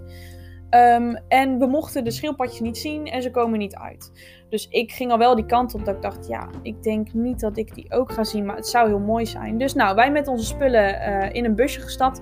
Alleen we moesten dus wel nog bijna anderhalf uur lopen over het strand in de hitte richting Sirenas, omdat dat niet um, begaanbaar is met een auto. Er gaat geen weg die kant op. Um, dus nou, ik twee rugzakjes mee en uh, wat pannenkoeken in mijn mel gedouwd. En wij lopen over het strand. En we komen dus de Britten, die dus de week daarvoor waren geweest, op het strand tegen. En die zeggen: Joh, jullie zijn de lucky group. Jullie gaan de eitjes uit zien komen. Jullie gaan ze uit mogen zetten. Dus wij natuurlijk laaiend enthousiast. Want wij dachten, oh, dat meen je niet. We gaan gewoon schildpadjes uitzetten. We hadden allemaal zoiets van, nou, dat zal allemaal niet zoveel zijn. Um, maar uiteindelijk komen wij dus in Sirenas aan. Nou, daar hangen echt heel veel bordjes ook met uh, van kijk een beetje uit voor de zee. En heel veel, er hangen heel veel zakken ook om bijvoorbeeld plastic deeltjes in te doen. Want hier in Nederland vind je wel eens een tandenborstel of een schoen. Maar die kant van de zee ligt aan de kant van de plastic soep. Dus al die kleine particles die daar worden afgebroken, die spoelen daar aan. Het is echt niet te doen en echt niet op te ruimen. Um, maar het, het kamp wat daar zat was super leuk. Het had heel mooi uitzicht over het, uh, ja, over het regenwoud eigenlijk. En ook de, badkamer die had dus een open ja, inkeping. Dus ik keek gewoon letterlijk tegen de palmbomen aan als ik mijn tanden stond te poetsen. Ik kon ook regelmatig gewoon beesten bijvoorbeeld in mijn, in mijn douche vinden. Omdat daar gewoon, ja, dat is gewoon the way it is. Ik sliep daar ook met een klamboe. Um, dat was wel iets minder. Want er zaten regelmatig gewoon spinnen op mijn klamboe. Ik dacht, oké, wat doe jij hier? Ga weg, ik probeer te slapen. Um, maar goed, het was wel heel erg, uh, heel erg mooi daar. En ze hadden daar een gigantische toren staan waar je een heel klein beetje wifi had. Ik heb ook de rest van de week geen wifi daar gehad. Ik had namelijk ook geen Costa Ricaanse simkaart. Dus ik heb daar altijd op de wifi moeten leven. Uh, dat vond ik heerlijk. Echt zo rustgevend. En s'avonds gingen we dan op night patrol. Dus dan hadden we allemaal zo'n lamp op ons uh, hoofd. En dan gingen we kijken of we mensen op het strand tegenkwamen. Of dat we misschien een, een, een schildpaddenspoor konden volgen. Dus de maan die verlichtte mooi het strand. En dan die mooie golven. En ja, daar genoot ik wel heel erg van. Dat vond ik echt wel een prachtige ervaring. En de volgende ochtend uh, had ik me verslapen voor het uh, ontbijt. dat kwam dus omdat ik zo slecht had geslapen. Dus ik ontbeet uh, met mijn bananenchips, mijn geliefde bananenchips, want ik had snacks meegenomen. En toen gingen we smiddags gingen we aan, um, ja, aan vrijwilligerswerk doen. Dus dat betekent dat we zaadjes gingen planten. We gingen mais planten, bomen planten, weet ik veel. maar het was wel heel leuk, alleen heel warm. je zweet je daar echt te pletter gewoon. Maar de lucht is daar altijd blauw. Het is daar echt prachtig weer. En we hadden altijd smiddags heel veel vrije tijd. Want we hadden dus een, ochtendactiviteit en een middagactiviteit. En smiddags konden we dan gewoon een beetje in de, uh, in de rondhangen. En dan kregen we een hele lekkere lunch van de oude vrouwtjes die daar voor ons konden koken. Vaak was dat wel uh, gallo pinto, dus de, de rijst met bonen. Maar dat geeft niks. Ik vond het echt wel heel erg lekker. En toen gingen we smiddags gingen we, uh, ja, een beetje... Oh ja, we gingen palmbomen planten. We kregen gewoon gigantische kokosnoten met een stekje eruit. En eh, ja, planten maar. Dat was ook wel heel leuk eigenlijk. Een hele grappige ervaring. Want we moesten echt met van die kapmessen moesten dus um, het gras een beetje weghalen en zo. Ik vond het echt helemaal leuk om te doen. En toen konden we gewoon lekker op het strand een beetje chillen. De jongens gingen voetballen en meisjes konden zonnen. En uh, ja, mooie zonsondergang natuurlijk gespot. En... Uh, ja, dat was eigenlijk ook wel een hele rustgevende dag. Ik vond Sirenas denk ik wel de leukste paar dagen van die week. Omdat het heel rustig was. Ik had even geen wifi, geen verplichtingen. Um, en ik vond het ook wel heel goed om met het uh, milieu bezig te zijn. En toen... excuus. Dag 17. Werd er om 4 uur s ochtends op onze deur geklopt. En het was letterlijk klop klop 10 minutes. En wij dachten... 10 minutes waarvoor? En toen op een gegeven moment zei mijn kamergenootje, ik denk dat ik het al weet. En wij zeiden, oh ja? En toen zei ze, ik denk dat wij naar het strand gaan. Ik denk dat wij schildpadjes gaan uitzetten. Nou, dus wij natuurlijk echt super snel in 10 minuten tijd onze kleding aangedaan, want het was nog best wel frisjes. En wij naar het strand gesprint. Was zeker nog wel 5 kilometer lopen. Maar dat maakt niet uit. Gesprint. en we komen op het strand aan. En nou, prachtig. Echt de hele mooie ochtendzon. En de zon moet nog opkomen. En oh, echt mooi. En we komen bij het huisje aan waar ze dus uh, uh, van het kamp in Sirenas hun spulletjes hebben liggen. En waar de, de schildpadjes naast liggen in hun, uh, in hun, ja, in hun zandbedjes. En er staat een bak met zwart zand. En hele lieve kleine schildpadjes. Oh, echt. Wat een poepies. Ze liepen over elkaar heen. Ze liepen tegen de wanden aan. Echt, ze waren helemaal blij. Ze wilden helemaal gaan. En ze zeiden tegen ons: Je kunt er eentje pakken. Die is van jou. Die ga jij in de zee zetten. Nou, echt. Ik heb gehuild op dat strand. Dat wil je echt niet weten. Schildpadjes uitzetten is iets wat iedereen moet doen. Iedereen moet ooit een keer dat gedaan hebben. Het maakt niet uit hoe, het maakt niet uit waar. Ooit moet je dat gedaan hebben. Want op het moment dat jij zo'n dingetje krijgt, moet je allemaal op een rijtje gaan zitten. En dan heb je dus zo'n beestje vast. Nou, en je voelt ook echt met je duim, voel je dus over het schildje heen. Dat is echt nog een beetje alsof het een soort van kraakbeen is. Het is nog niet hard, het is echt nog niet volgroeid. Um, en ze spartelen echt een beetje met, met hun scherpe onderkantjes van hun uh, flapjes tegen je hand aan. Zo van, yo, ik wil lopen, hallo. en toen was het 3, 2, 1. En toen ging die van mij, die ging er gewoon vandoor. Nou, echt, het was prachtig om te zien. Ze laten zo'n schattig spoortje achter met die uh, flappies van ze. En ik had ook mijn telefoon niet bij. Ik dacht, ik wil hier optimaal van kunnen genieten. Ehm, en je mocht, ook niet, eh, je mocht hem niet opnieuw oppakken. Je liet hem los en dan moest je hem gewoon volgen. Je moest gewoon zorgen dat er geen mail bijvoorbeeld voorbij vloog of iets in die richting. En op het moment dat de, de zee kwam en ze terugspoelde, moest je stil blijven staan. Dus mijn sokken waren zeiknat aan het eind van de dag. Sorry. En, um, maar het was zo schattig. Ik gaf hem mijn naam. Ik heb hem Crush genoemd naar de grote schildpad uit Nemo. En uh, ja, ik heb zo erg ervan genoten. Er bestaan ook zoveel foto's van mij waarin ik echt happy de peppy met tranen in mijn ogen gewoon zo'n dingetje vast heb. Echt, het was vertederend. Ik, echt, ik zou het zo weer overdoen. Um, we gingen ook wedstrijdjes doen. Uh, dat was ook heel grappig, want ja, dus ze lopen natuurlijk een beetje naast elkaar. Het was van, oh, mine is faster, ha, Dus dat was echt super leuk. En toen waren we net op tijd eigenlijk een beetje terug uh, van het strand. Want om 7 uur s ochtends begon het keihard te regenen. Dat hield echt aan tot de rest van de dag. Uh, dus we hebben gewoon in het kamp een beetje gehangen, smiddags geluncht. En toen hebben we s'avonds een beetje op de toren, op de grote wifi-toren, um, lekker gebabbeld en foto's gemaakt van de sunset. Want je kon vanaf daar kon je dus de zee zien en horen. En ja, dat was echt een soort van 360 graden view van het mooiste wat je ooit hebt gezien. Dat was echt heel leuk. Um, en s'avonds hadden we gewoon vaak een beetje dat we gingen chillen in de hangmat of iets in die richting. En um, toen heb ik heel veel vuurvliegjes gespot. Dat is daar echt een ding. Vuurvliegjes kun je daar gewoon echt op je hand houden. Kun je echt zien. En ja, het was echt prachtig gewoon. Nou, de volgende ochtend ging wel vroeg weer de wekker en toen regende het ook wel weer een beetje. Um, en ik had lekker gallo pinto weer gegeten en ik had bakken, gebakken bananen, papaya. Dus ik was gewoon weer helemaal happy de peppy.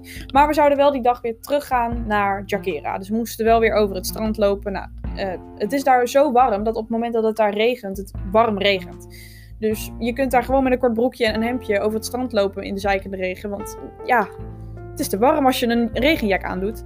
Uh, dus ik had mijn spullen weer gepakt. Ik had mijn, uh, mijn, uh, mijn regenjas had ik om mijn stoffen tas gedaan.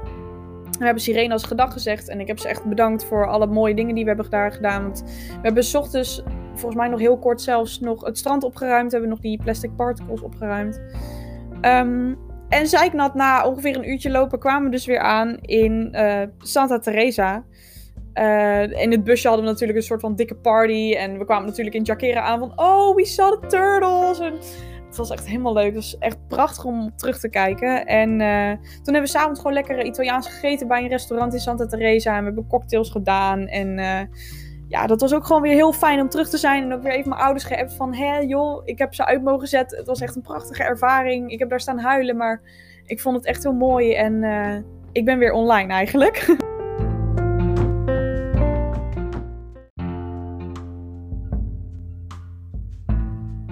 Dag 19 was het, als ik dit zo kan zien op de foto's, ook wel weer een lekker rustig dagje. Volgens mij is dit een van de zaterdagen ook geweest. Um, want ik ben samen met uh, de hele groep meiden eigenlijk van, uh, van de activiteitenclub... Uh, ben ik naar East Street geweest. En ik weet niet of je bekend bent met een foodhall. die heb je in Breda, weet ik dat je die er een hebt. Je hebt hier er eentje in Den Haag, in Rotterdam.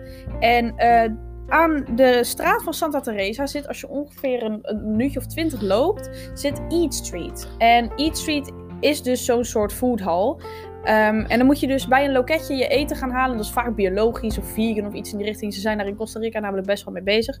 Um, en dan kun je gewoon lekker smikkelen. Dus uh, ik vond het eigenlijk een hele, ja, hele leuke ervaring. En toen hebben we gewoon wat winkeltjes afgelopen. Want uh, Costa Rica uh, bestaat vooral uit souvenirwinkels en uh, nightshops. Maar in dit soort toeristische gebieden hebben ze ook heel veel boutiquejes.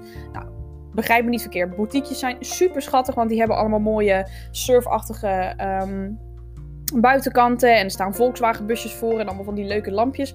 Maar het is wel duur. Um, dat liet ik me alleen geen twee keer zeggen, want ik heb dus een super leuk jumpsuit gekocht daar.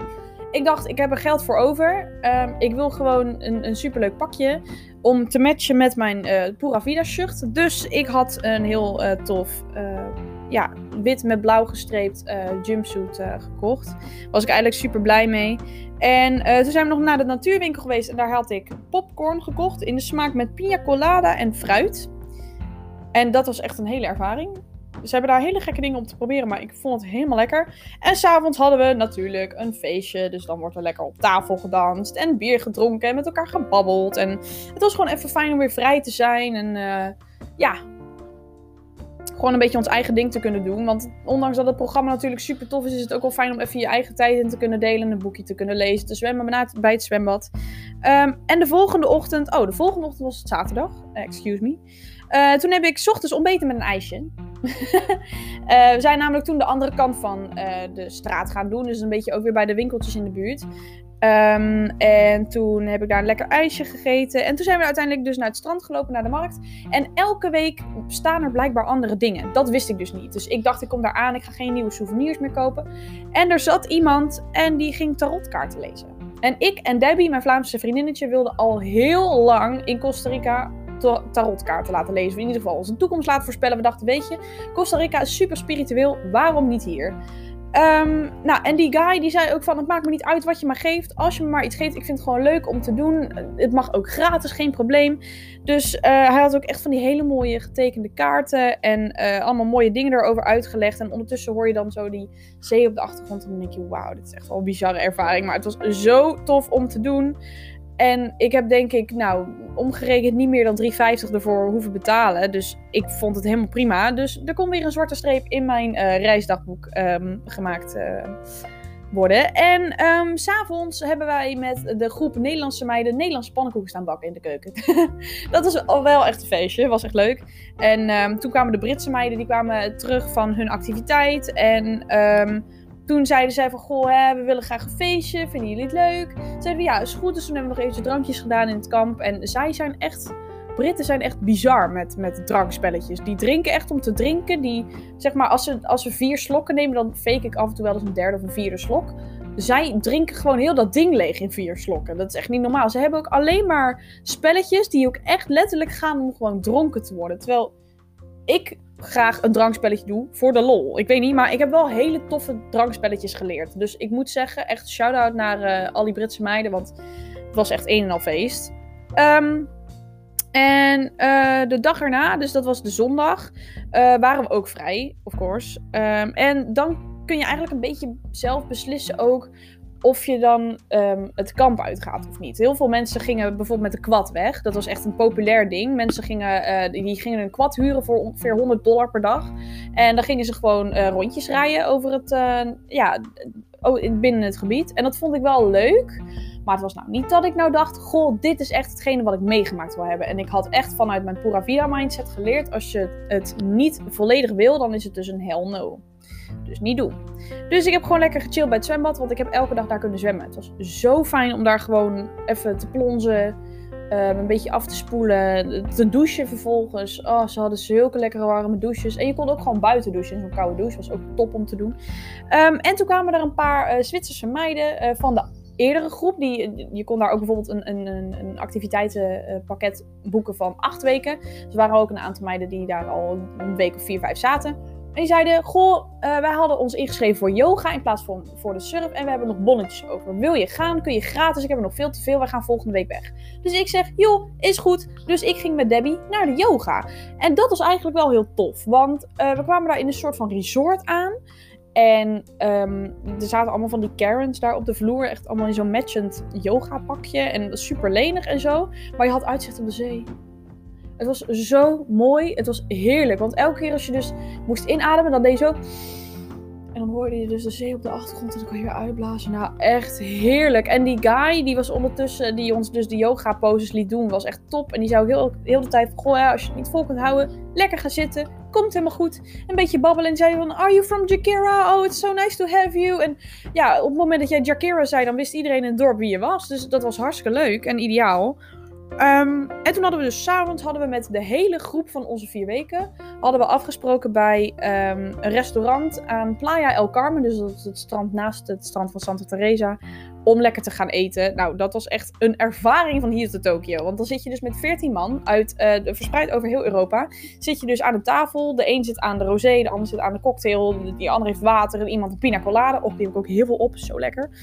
Um, en toen zei Raoul ineens mijn buddy, die zei: Zal ik doen alsof ik jarig ben? Want je hebt gezien bij Emma, die kreeg de nachos gratis. Ik denk: Oh, dat is een slim idee. Dus wij begonnen ineens: Happy birthday to you. Nou, en inderdaad, we kregen gratis shortjes en gratis chocoladecake. en het was echt heel lekker. Ik vond het echt helemaal top. En uh, ja, dat was gewoon heel erg gezellig. En s'avonds hebben we nog in het kamp met de Britten de spelletjes gedaan en uh, muziekje opgezet en gedanst. Oh, we hebben zoveel gedanst. Dat was heel leuk. En ze hadden daar een pingpongtafel. Dus er werd ook regelmatig s'avonds bijvoorbeeld een, pingpong uh, contest gehouden. Um, en de volgende dag begon er een nieuwe week. Dit was de nieuwe maandag. En dit was een rustig dagje. Um, wat ik me alleen toen wel begon te beseffen. Um, want ik had dus regelmatig wel een appje naar mijn ouders gestuurd. Van goh, hè, ik heb dit vanavond gedaan. En ik had aan mijn polarsteps geüpload. En op het moment dat ik ging slapen, werden zij dus wakker met die polarsteps. En dat was heel tof, want dan werd, ik dus, dan werd ik dus zelf wakker met een appje van goh, hè, we hebben het weer gelezen. En ik had bijvoorbeeld ook heel veel oudjes in mijn omgeving verteld dat ik wegging. En die hebben gewoon elke ochtend als ze opstonden de computer opgestart of de tablet erbij gepakt om mijn verhaal te lezen. Um, maar omdat voor mij de tijd daar uh, hartstikke snel voorbij gaat. Wat ik heel jammer vond eigenlijk, want ik had het daar zo naar mijn zin. Vergat ik af en toe dat voor mijn ouders juist de tijd stil stond. Want ik bleef daar maar weg. Snap je wat ik bedoel? Dus op het moment dat ik heel veel aan het meemaken was, vergat ik eigenlijk dat zij maar één activiteit hebben. En dat is dat ik er niet ben. Um, en daarom besefte ik me steeds vaker op het moment dat het bijvoorbeeld een, nog maar een week was, dat ik dacht van, oh, een week zit ik al in het vliegtuig. En dat was vooral heel erg in die laatste week van toepassing, want iedereen was allemaal een beetje zo van, oh, ik wil eigenlijk wel naar huis. Ik wilde echt, ik zou er zo weer twee, drie weken aan vastplakken. Ik was echt nog totaal niet bereid om naar huis te gaan. Um, en die maandag besefte ik me dat wel heel erg. Dus uh, ik had gewoon een beetje gechilled bij het zwembad. En ook de Britten gingen weg, dus het kamp was leeg. En ik had smiddags had ik, uh, had ik gewoon weer Spaans. En um, ik moest natuurlijk wel eventjes op COVID af en toe blijven testen. Er was namelijk in ons kamp was er iets fout gegaan met iemand die toch positief getest was. En het was allemaal stress. Dus ik was heel blij dat mama voor mij vijf coronatesten in mijn koffer had geduwd. Uh, want dan kon ik dus af en toe eventjes kijken uh, hoe het daarmee uh, ging. En zo kon ik dus ook iedereen thuis op de hoogte houden van de COVID-situatie. Want Costa Rica is natuurlijk een heel ander land. er wonen ongeveer, nou, nog niet eens een miljoen, nee, een miljoen mensen wonen in San José ongeveer 5 miljoen mensen door het hele land. Dus dat is niet veel. Um, daar is ook het vaccineren heel duur. Um, ze hadden daar een avondklok s'avonds. Mondkapjes waren verplicht toen nog. Uh, daar, maar echt ook overal. Um, en daarom vond ik het ook wel fijn om iedereen af en toe een beetje op de hoogte te houden van uh, hoe de COVID-situatie daar precies aan toe ging. En uh, ja, verder hebben we Even denken, wat hebben we nog meer gedaan? Oh ja, toen hadden we die week hadden we Spaans en vrijwilligerswerk. Dus s ochtends hadden we dan onze Spaanse lessen. En hadden smiddags gingen we bijvoorbeeld rondom Jaquera gingen we uh, helpen met het kamp nog um, ja, wat perfecter maken of stranden opruimen. En we begonnen met de recycle stations van Chris. Chris wil namelijk in Jaquera zelf ervoor zorgen dat iedereen zijn afval scheidt op een manier.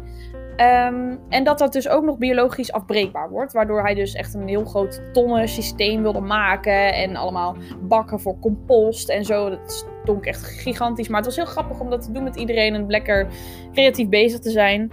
En um, en s'avonds begon het super hard te regenen. Het was een beetje de vraag van oké, wat gaan wij nu doen?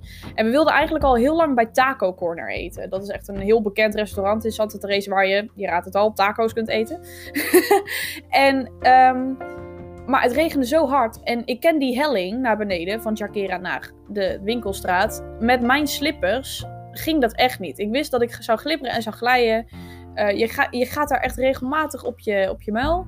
Dus uh, ik zeg, weet je, ik blijf hier. Laten we eten bestellen. Maar niet alles was open. Het was allemaal niet zo lekker. Het zei Angelo, onze nieuwe begeleider. Want Eric die was dus een nieuwe groep ophalen in Monteverde. Die zei, joh, weet je, ik ben half Venezuelaans, half Italiaans. Ik maak de lekkerste pasta van de hele wereld. Dus Angelo die is op zijn kwad gestapt, heeft boodschappen gedaan en ik heb super lekkere pasta gegeten die avond. Echt mwah, top. Dus ik heb ook gewoon nog hartstikke divers gegeten. En daar ben ik eigenlijk best wel trots op. Um, nou, de volgende ochtend hadden we een beetje tijd om uit te slapen. En, um, of tenminste, uit te slapen was daar gewoon 7 uur de wekker, zeg maar. Want om kwart over zeven hadden wij dan ontbijt. En dan zaten we om kwart voor acht of om acht uur zaten we aan de Spaanse les. Um, maar het was toch wel fijn dat je vaak daar een beetje vroeg naar bed ging. Uh, dus ik kon daar voor mijn gevoel wel een soort van ritme opbouwen. En dan hadden we een van de laatste lessen hadden we Spaans. Dus we gingen wat meer al herhalen. Dus de, de, we gingen een, een woordzoeker maken bijvoorbeeld. En galgje doen om een beetje onze vocabulaire te trainen. En ik vond dat wel heel leuk eigenlijk. En uh, toen hadden we dus middags weer vrijwilligerswerk. Uh, toen moesten we dus nog meer aan het tonsysteem doen. We moesten schilderen, de zagen, weet ik het allemaal wat. En toen smiddags, toen, uh, of wat later in de middag, we waren namelijk al na een half uurtje klaar of zo. Later in de middag, toen wisten we dat er een, een nieuwe yoga sessie zou zijn. En ik had nog een bonnetje over. Ik denk, weet je, ik ga lekker naar de yoga. Misschien willen er nog andere mensen mee. Dus ja, inderdaad, vier andere meiden gingen mee. Uh, dus wij gingen naar dat resort en uh, we leggen daar ons matje neer. Nou, een heerlijke sessie gehad. Ik kwam er ook helemaal zen van terug ook. Gewoon door die, door die zee op de achtergrond. Dat was echt heerlijk. En s'avonds had ik de meest mooie sunset van mijn hele reis. Echt waar, het was prachtig. Hij, ik, ik, zie nu ook hier de foto's en ik kan het beschrijven als paars, roze, geel, groen, blauw, oranje en wit-grijs. Het was echt zo ontzettend mooi, omdat ook de bomen in, in contrast daarmee heel erg zwart leken. Dus het ziet er echt uit alsof ik een soort van schilderij heb gemaakt. Maar het is gewoon een foto die gemaakt, gemaakt is met mijn iPhone 11 Pro. Dus uh, ja, ik heb daar echt een hele heerlijke avond gehad. En toen zijn we s'avonds bij het Israëlische restaurant gaan, gaan, eten. Zo, dat kwam er lekker uit. Gaan eten. en uh, daar heb ik gewoon lekker een broodje falafel met friet op. En uh, top. En toen hadden we s'avonds hadden we salsa les. Ja, dat was echt heel leuk. Um, we hadden namelijk al een tijdje gevraagd bij Chris van... Oh, kunnen we alsjeblieft een keer salsa les doen? Dat lijkt ons zo leuk. Want elke Costa Ricaan, elke Tico, zo noemen ze zichzelf, Tico of Tica... Die kan salsa dansen. Echt bijvoorbeeld onze Spaanse lerares Erica moeiteloos. Nooit les gehad. Dat zit gewoon in hun geen. Dat zit in hun heupen. En wij zeiden dat willen wij ook. Nou, dus ik kreeg Debbie als danspartner. En dan krijg je drie soorten stapjes die je uit je hoofd moet leren. En dan een beetje kunt combineren. En dan kun je salsa dansen. Nou, dus dat is natuurlijk hartstikke leuk. Want iedereen heeft nog een beetje een soort van schaamte. Maar toch wel zoiets van, ah, superleuk. En toen hadden we, daarna toen we klaar waren, hadden we een soort van Ring of Fire gedaan. Dus toen ging iedereen een gekke dansmove doen. En uh, ja, dat was echt lachen. Um, en de volgende ochtend uh, had ik een van mijn, uh, volgens mij de ene laatste les Spaans. Uh, toen heb ik bijvoorbeeld geleerd om klok te kijken. Ik kan het nu niet meer nadoen, want ik heb al de afgelopen drie maanden geen Spaans meer aangeraakt. Maar voor de rest vond ik het heel leuk om dat op te schrijven en te leren. En het is ook allemaal niet zo moeilijk als je al een beetje Frans kan. Dus dat was eigenlijk heel fijn. En toen zei Angelo smiddags van, goh, hè, uh, we zijn eigenlijk vrij, want uh, ja, we wilden wel wat vrijwilligerswerk doen, maar dat was er eigenlijk niet echt. Uh, dus toen zei hij van, uh, vind je, vinden jullie het leuk als ik ga surfen? En ik heb een mooie sunset spot en dan kunnen we gewoon lekker chillen op het strand. En nou, en toen ging ik dus naar uh, echt Playa Santa Teresa, dus het surferstrand.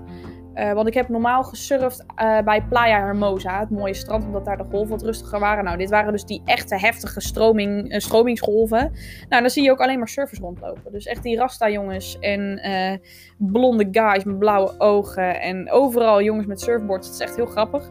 En daar had ik een heerlijke Pura Vida smoothie. ook groen. Echt heel lekker. En ja, ik heb daar gewoon lekker op op het zand gelegen. En, um, en toen zei Angelo van, nou, dan gaan we nu een hike doen richting de Sunset Point. Nou, dat heb ik wel geweten. Dat was nog heftiger dan Monteverde. Dat was namelijk zo stijl dat ik echt dacht dat ik achterover zou vallen. Maar die sunset was eigenlijk echt bizar. Want, uh, nou, ik, ook die video hier, hij verandert letterlijk van kleur. Oh, dat is het, uh, dat is het geluid, sorry. Um, je keek uit over de hele baai van Santa Teresa. En ja, dat was echt insane. Ik vond het zo leuk om te doen ook. En um, ja, ik weet niet. Het, het, het, het hiken zelf werd altijd beloond daar. En ik heb wel eens als ik hier bijvoorbeeld in Nederland een wandeling neem, dan denk ik, nou oké, dat, dat was het. Maar het was echt prachtig om te zien. En uh, uiteindelijk zijn we op de terugweg zijn we bij een soda gaan eten. Dus toen heb ik lekker chicken fingers gegeten met friet. En chocoladetaart van Eat Street. Want de chocoladetaart van Eat Street is de lekkerste chocoladetaart ever. Um, en de volgende ochtend hadden we aan de kok doorgegeven dat hij voor ons geen ontbijt hoefde te maken. Normaal moest je dat altijd even aangeven. Maar uh, de vrouw van Chris, dus eigenaar van Jakera, die had aan de onderkant van de helling een uh, restaurant geopend. Een ontbijtrestaurant. En, nou, dat, was, dat kwam echt zo van het internet af. was echt prachtig en heel mooi en lekker cool. Um, en daar heb ik dus een smoothie bowl gegeten uit een uitgeholde kokosnoot. Was echt wat een ervaring meer. Het is echt ook zo'n zwarte streep in mijn reisdagboek dat ik denk van, wie eet er nou uit de kokosnoot? Nou, ik. Ik heb ook echt zoveel kokos gegeten ook. En, en kokosnoten uh, opengemaakt en gedronken. Ik heb mango's geplukt. Ik heb bananen geplukt. Ik heb papaya gegeten. Echt heerlijk gewoon. Ehm, en toen hadden we smiddags ook nog wel onze laatste vrijwilligerswerk ehm, opdracht. En dat was namelijk dat wij de gemeente gingen helpen met het plaatsen van borden voor regels op het strand. Op het strand wordt namelijk regelmatig nog bijvoorbeeld fikkie gestookt, mag niet. Er komen nog wel eens auto's op het strand, mag ook niet. Uh, en er ligt ook nog heel veel plastic, dus er moesten ook bordjes in de grond worden gezet die um, aangaven dat je de plastic bijvoorbeeld op kunt ruimen. Of uh, dat je hier een prullenbak neer kunt zetten of iets in die richting. Uh, en dat was eigenlijk lachen, want ik zat dus bij Angelo in de groep met een, een paar andere mensen. En uh, we hebben een paal in de grond gezet. Alleen de cement moest nog gehaald worden door de lokale politie. En dat duurde maar en dat duurde maar. En we zaten daar anderhalf uur, twee uur, tweeënhalf uur. En Angelo begon ondertussen over zijn leven in Venezuela. Het was echt super interessant en hartstikke mooi om gewoon lekker met je voetjes in het water zo lekker te chillen. Uh, maar ja, er gebeurde natuurlijk niet zo heel veel. En uiteindelijk dus na 3,5 uur wachten kwam dus de guy met het cement. En toen werden we allemaal in zijn jeep geduwd en toen werden we afgezet bij uh, Santa Teresa.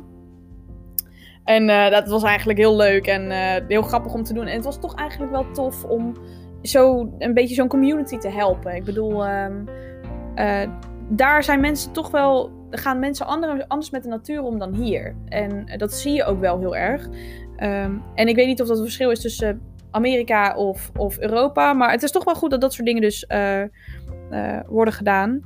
En um, toen kwamen we terug in Jakera aan en toen hadden we Arepa Night. Arepa's zijn zo lekker. Oh my god.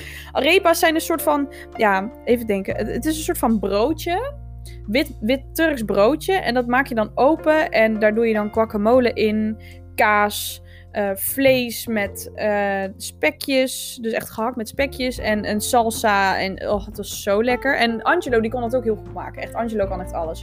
Hij zei ook echt van, ik ga ooit mijn eigen activiteitenbureau beginnen. En ik wil jou als gids. Dus ik wilde zeggen Angelo als je dit hoort, maar Angelo verstaat geen Nederlands. maar ik ben, ik, dat lijkt me wel echt heel cool om dat een keer te doen. En we hebben het ook gewoon over de plannen gehad. En hij zei ook van, nou hè, het lijkt me heel leuk om, dat te, te, om, om hier in Costa Rica dat te combineren met Orlando bijvoorbeeld. En uh, met Disney en weet ik het allemaal wat. Dus dat was eigenlijk wel heel leuk. En ik vond Angelo eigenlijk een betere gids dan Eric. Omdat hij nog meer pura vida was, maar ook wel realistisch. Eric was af en toe nog een beetje zo van, oh het kan wel, het kan wel, dan kon het niet. En Angelo die is ook wel redelijk. Die had ook al een kindje, dus die weet echt wel wat meer wat verantwoordelijkheid is. En toen hadden we s'avonds onze lang verwachte karaokeavond. Yeah! We wilden al zo lang een karaokeavond. Echt. Oh, we hadden erom gesmeekt, omdat natuurlijk die avondklok er was. En Chris zei: nee, nee, nee, maak te veel herrie, want onze, onze microfoons die zijn aangesloten op de box. Maar we kregen hem. Hij duurde anderhalf uur en het was één groot feest. Het was helemaal leuk. Iedereen was hartstikke lam. Maar uiteindelijk was het om half twaalf, waren we allemaal een beetje moe. Uh, maar het was wel echt heel erg uh, heel leuk. En dan ben ik aanbeland bij de allerlaatste programmadag. Dag 26. En uh, dit is de dag dat ik mijn vrijwilligerswerk ging doen in Montezuma.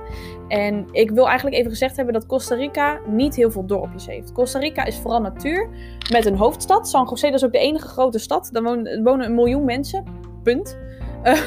En Montezuma en Santa Teresa zijn stadjes in de zin van een straat. Um, dus heel veel mensen wonen eigenlijk dan meer op de berg ervan. Um, en uh, Montezuma is dus ook zo'n stadje waar je eigenlijk naartoe gaat als je Santa Teresa hebt gezien. Nou, Montezuma is super leuk. Uh, en wat wij daar gingen doen was, um, nadat we natuurlijk onze allerlaatste Spaanse les hadden gehad. We hebben gewoon wat dingetjes nog herhaald. En Erica hartelijk bedankt. En we hebben collages gemaakt van uh, kledingstukken die we in Spaans moesten uitleggen. En daarna hebben we dus met een busje zijn we dus naar Montezuma gereden. En daar heb ik uh, bij een basisschooltje het, uh, het picknicktafeltje mogen verven met blauwe verf. Nou, dat was echt super leuk om te doen. We stonden daar met tien meiden om één tafeltje heen. was echt lachen en dan muziekje op. En ja, weet je, het is gewoon heel gek. Want zo'n zo'n basisschooltje staat midden, midden in de jungle aan het strand. Dus je hoort ondertussen de zee en dan hoor je een keer een brulaap in de verte. En dan hoor je een keer een, een, ara ergens uh, geluid maken dat je denkt van wat is dit nou weer? Maar het, was echt super tof om te doen. Oh ja, en een leguaan bijvoorbeeld tijdens het afwassen ineens in je wasbak. En uh, toen zijn we daarna zijn we even een drankje gaan doen. Dus heb ik weer tamarindo besteld, want dat vond ik echt wel lekker. En toen daarna zeiden we, weet je, we gaan even shoppen. Dus we zijn met iedereen zijn we de souvenirwinkeltjes afgegaan. En uh, heb ik leuke magneetjes gekocht. Ze hebben daar hele toffe magneetjes van boomschors gemaakt. En die heb ik echt heel veel meegenomen, ook om uit te delen aan familieleden en zo. En ja, super tof. En toen hadden we s'avonds hadden we Campfire Night. En dit was de avond dat Chris helemaal uit zijn dak ging. Hij zei: Piep, de avondklok. Biep, alle regels die ik had over drugs. Hij had vrienden meegenomen, hij had muziek gemaakt, had een gigantisch kampvuur gebouwd. En hij zei, je moet iets op een briefje schrijven, dat moet je in het uh, vuur doen. Nou, dus wij inderdaad doen. En uh, we hadden, van tevoren hadden we nog gegeten bij uh, een wat duurder restaurant om te vieren dat we ja, het programma hebben afgerond eigenlijk. Dus we hadden een lekkere falafelburger en dat hmm, was heel lekker. En toen had ik mijn briefje daar in het kampvuur gegooid met een soort van... Um, ja, dankbaarheid voor, uh, voor alles wat ik daar heb geleerd en heb mogen doen. En, uh, want dat besefte ik me elke dag. Ik was elke dag zo bevoorrecht. Um, dat ik bepaalde dingen mocht doen. Dat ik bepaalde dingen mocht denken. Uh, dat ik bepaalde mensen uh, mocht spreken. Um, en vooral die avond besefte ik me dat echt even toen alle regels werden losgelaten. En iedereen gewoon hartstikke lief en leuk was. En ja, dat was echt, e echt een, geweldige, fijne avond. En ja, toen kwam eigenlijk de laatste volle dag. Echt wel sad. Als dit ook zo zien, dan denk ik, oh. Um, ja, dus dan staat er ineens geen programma meer boven mijn uh, Polarstep. Uh, ik ben, s ochtends ben ik uh, opgestaan met Gallo Pinto als ontbijt. Met ei en worstjes en gebakken banaan. Was ook heel lekker. En ik heb een beetje gechilled bij het zwembad en toen hadden we natuurlijk nog de markt. Dus we zeiden, weet je, we gaan onze laatste souvenirs kopen. Um, en zoals ik al zei, er zitten natuurlijk ook andere mensen uh, elke keer bij die markt. En nu was er dus een Amerikaans meisje uit New York um, die henna liet zetten. Dus wij hebben gewoon met vijf meiden hebben wij een mooie henna hand uh, gemaakt. En dat kon je dan afspoelen halverwege. En dan kwam het dus zo terug op je huid dat je dus echt een mooi patroontje had. En ik had eindelijk kokoswater gedronken uit een echte kokosnoot. Ik wilde dat al zo lang doen. en nu kan ik het gewoon van mijn bucketlist afstrepen. Die foto's zijn ook echt heel schattig geworden eigenlijk als ik dit zo zie. En uh, ja, de laatste sunset was iets minder denderend dan dat ik had gehoopt. Maar het was nog steeds een hele mooie met gele, gouden kleuren en mooie wolken. En uh, ja, ik heb gewoon heel erg genoten nog van het geluid van de golf op Santa Teresa. En uh, ja, uiteindelijk hebben we sushi gegeten op onze laatste avond. Vraag me niet waarom, maar iedereen had er al heel veel zin in. En het was heerlijk. Oh, was wel het duurste restaurant waar ik tot, nu, tot dan toe had gegeten. Maar het was echt heerlijk. Echt, oh, ik heb helemaal genoten van die avond. En toen hebben we heel veel spelletjes nog gedaan. Ik dacht, ik ga nog één avondje gewoon lekker wat drankjes doen. Ik ga nog van die Smirnoffs genieten. En uh, ik had zoveel spelletjes daar geleerd. En dat wij gewoon die hele avond daar echt nog tot half twee of zo alleen maar drankspelletjes hebben zitten doen. En ja, het was echt een ultieme afsluiting. Het was echt super tof. En um, ja, toen was het Departure Day. En dat was echt een hele ja, zielige dag eigenlijk. Want iedereen zou diezelfde avond vliegen, behalve ik. Ik wilde namelijk niet eerst nog bijna 4, 5, 6 uur moeten reizen. En dan nog moeten vliegen naar huis. Ik wilde graag ook nog eventjes nagenieten van alles wat ik had meegemaakt. En uh, daarom had ik dus een dag later pas mijn vlucht.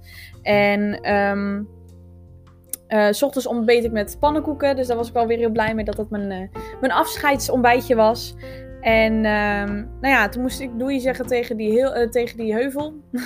Vond ik heel, heel vervelend. en ik heb uh, Chris hartelijk bedankt. En uh, ja, hij werd er helemaal emotioneel van. Want hij zei van jullie waren een turbulente groep, maar zo leuk. En wat fijn dat jullie er waren. En ja, toen zei ik doei tegen Santa Teresa. En voordat ik het wist zat ik op de pont. Terug naar Punta Arenas, naar het vasteland. Want Santa Teresa ligt op het schiereiland van Costa Rica, Nicoya. Uh, nou ja, toen stapten we in het busje met onze chauffeur die we ook op de heenweg hadden. En uh, toen gingen ze me afzetten bij het hotel waar ik ook op de heenweg had gezeten. Ik had daar een extra avond bij geboekt op de heenweg.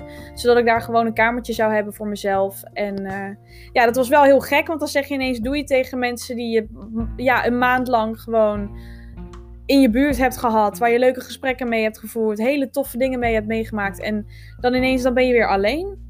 En dat vond ik wel heel moeilijk. Ik dacht aan het begin af en toe wel dat ik dacht van, oeh, ik wil me even afzonderen van heel veel mensen. Maar ik heb uiteindelijk zoveel genoten van de mensen om mij heen, dat ik in dat hotel ook echt eventjes ja, heb moeten huilen. Dat ik dacht van, oh, ik ga morgen naar huis. Ik vind het echt wel heel vervelend.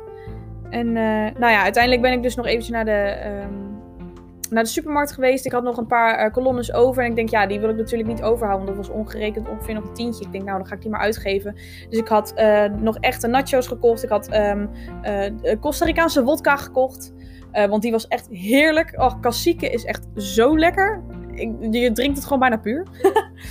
en ehm, ik had ook nog burracho's gekocht. En burracho's zijn daar een soort van roze cakejes met uh, ja, jam ertussen en suiker erop. En die heb ik daar echt heel veel gegeten. En toen heb ik gewoon nog mijn reisdagboek een beetje bijgewerkt. En uh, Outer Banks gekeken, want die kwam dus die dag uit. Dus ik heb het hele seizoen in één dag uitgekeken. En nou ja, toen heb ik mijn ouders eventjes laten weten dat ik dus ging slapen. En uh, toen, ja, de volgende ochtend toen werd ik dus wakker. En dat was mijn allerlaatste ontbijtje in Costa Rica. Nou ja, ze hadden heel lief voor me gezorgd. Ik kreeg weer gallo pinto met brood en met ei. En ik kreeg weer een watermeloen en papaya en ananas. En oh, het was echt heel lekker. En toen had ik mijn spullen gepakt en ik had een taxi geboekt richting het vliegveld.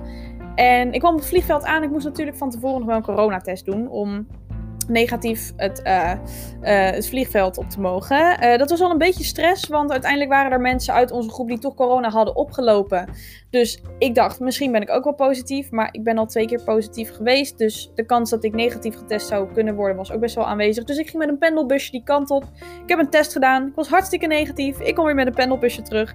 En toen heb ik uiteindelijk achteraan in de rij kunnen sluiten om mijn koffer in te laten checken en mijn, ja, mijn tickets te kunnen laten controleren. En uh, ik vond het zo heerlijk om gewoon af, af en toe nog even dat Spaans pratende volk nog om me heen te hebben. En uh, ik had mijn allerlaatste kolonnes besteed aan een snicker omdat ik honger had. En uh, ja, ik heb mijn ouders eventjes gebeld en gezegd van... Goh, hè, ik vind het heel spannend om nu weer naar huis te gaan. Want het zal weer heel anders worden. Maar mis jullie wel. En ik wil nu ook wel graag naar huis nu ik weet dat ik naar huis kan. Omdat ik negatief getest ben. Dus ik kom eraan. Um, ik hou van jullie. Ik ga vliegen. En uh, ja, toen op een gegeven moment, na een tijdje wachten in de gate, uh, ben ik uh, weer in het vliegtuig gestapt. En toen moest ik weer terug naar huis vliegen. En dat was ook wederom weer heel fijn. Ik moest wel weer overstappen in Panama City. Dus eerst anderhalf uur gevlogen vanuit San Jose naar Panama City. Daar overgestapt. Ongeveer een half uurtje overstaptijd had ik. of tenminste heb ik zitten wachten. Dan heb ik ongeveer een uur of zo. Dus valt wel mee. Um, en toen moest ik 14 uur lang naar huis. En gelukkig zat er deze keer niemand naast mij. Dus ik kon gewoon lekker mijn benen een beetje strekken. En het was een nachtvlucht voor die tijdzone. Dus de raampjes gingen al heel snel dicht. Ik heb echt super mooie lampjes gezien toen ik vertrok. Oh, dat beeld vergeet ik echt nooit meer. Dat was echt prachtig. En um, ja, ik heb gewoon lekker filmpje gekeken. Boekjes, uh, boekjes gelezen. En um, voordat ik het wist, zag ik ineens uh, de Nederlandse kustlijn weer en meldde de piloot dat we weer voet aan land zouden zetten.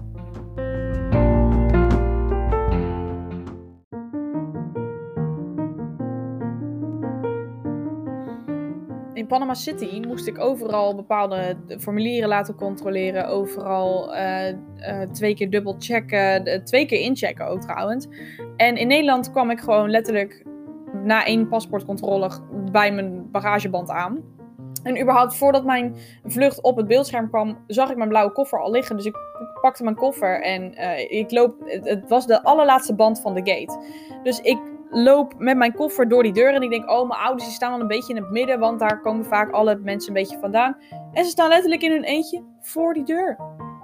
Nou, dus ik begin natuurlijk te huilen, want ik had het totaal niet verwacht. Ik had nog verwacht dat ik ze moest zoeken of dat ik moest rennen of zo. Dus, en ze staan daar en ik had eigenlijk totaal niet beseft hoe erg ik ze miste. Ik had ze één keer in de week ongeveer feesttijd. En natuurlijk miste ik ze dan wel. Dan moest ik een beetje huilen daarna, omdat ik dan dacht van, hé, weet je, ik maak hier hele mooie dingen mee en daar zijn zij dan niet bij. Het was, ik heb eigenlijk geen moment heimwee gehad. Ik heb alleen gewoon zoiets gehad hè, van, oh, ik wou dat ze hier ook waren. Dat ze hier bij mij waren, hier in Costa Rica.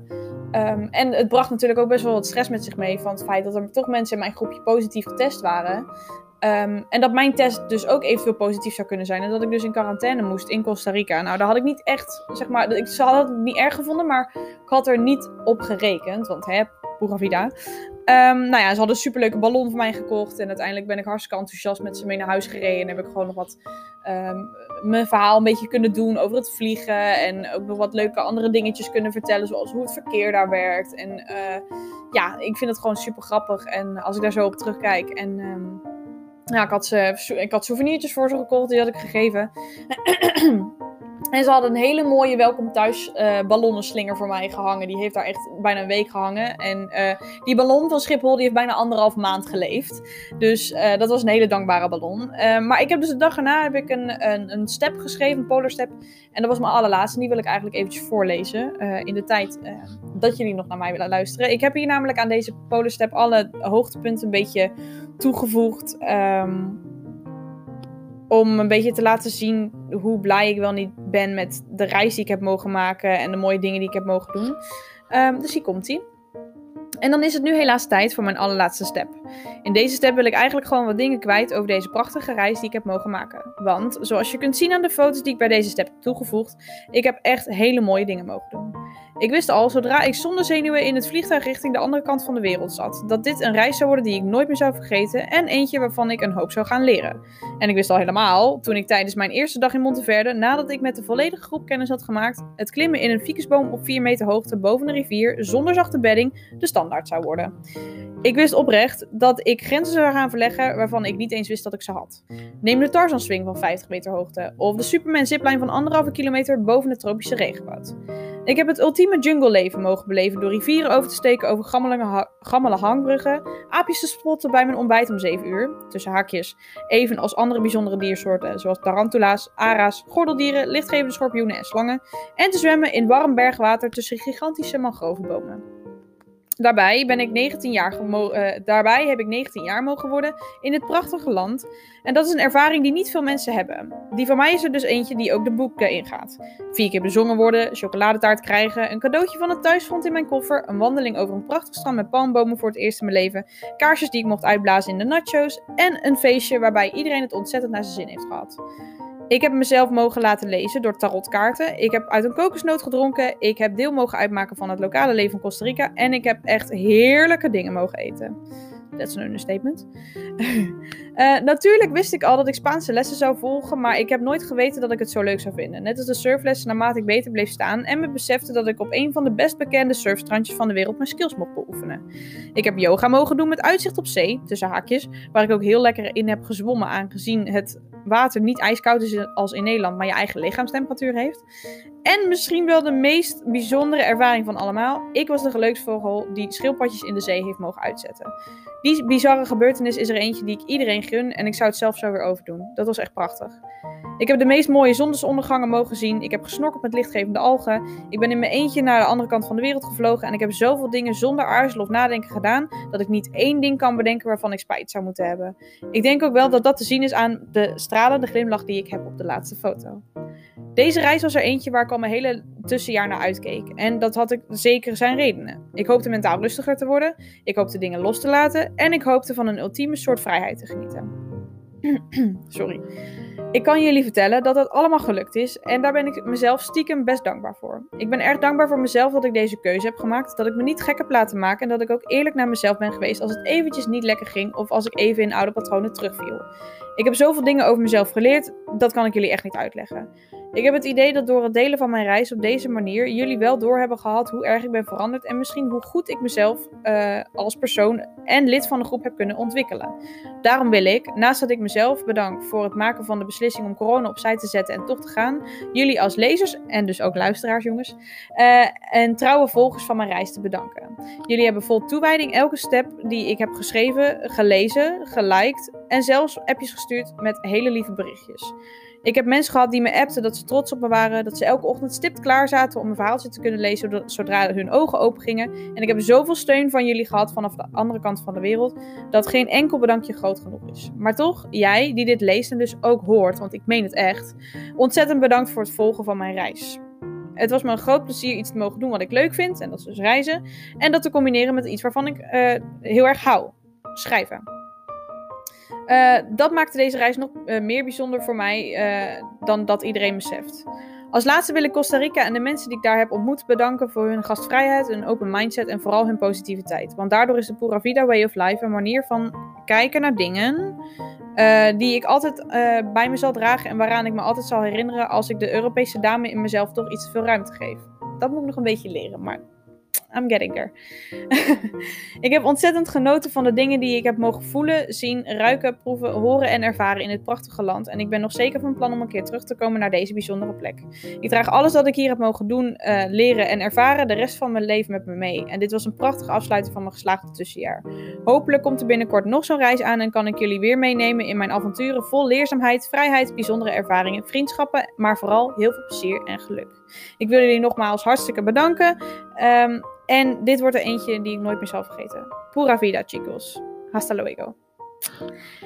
En daarmee wil ik ook echt zeggen dat ik dat um, ook meen voor jullie als luisteraars. Uh, niet iedereen heeft natuurlijk mijn, mijn Polar Steps gevolgd of gelezen.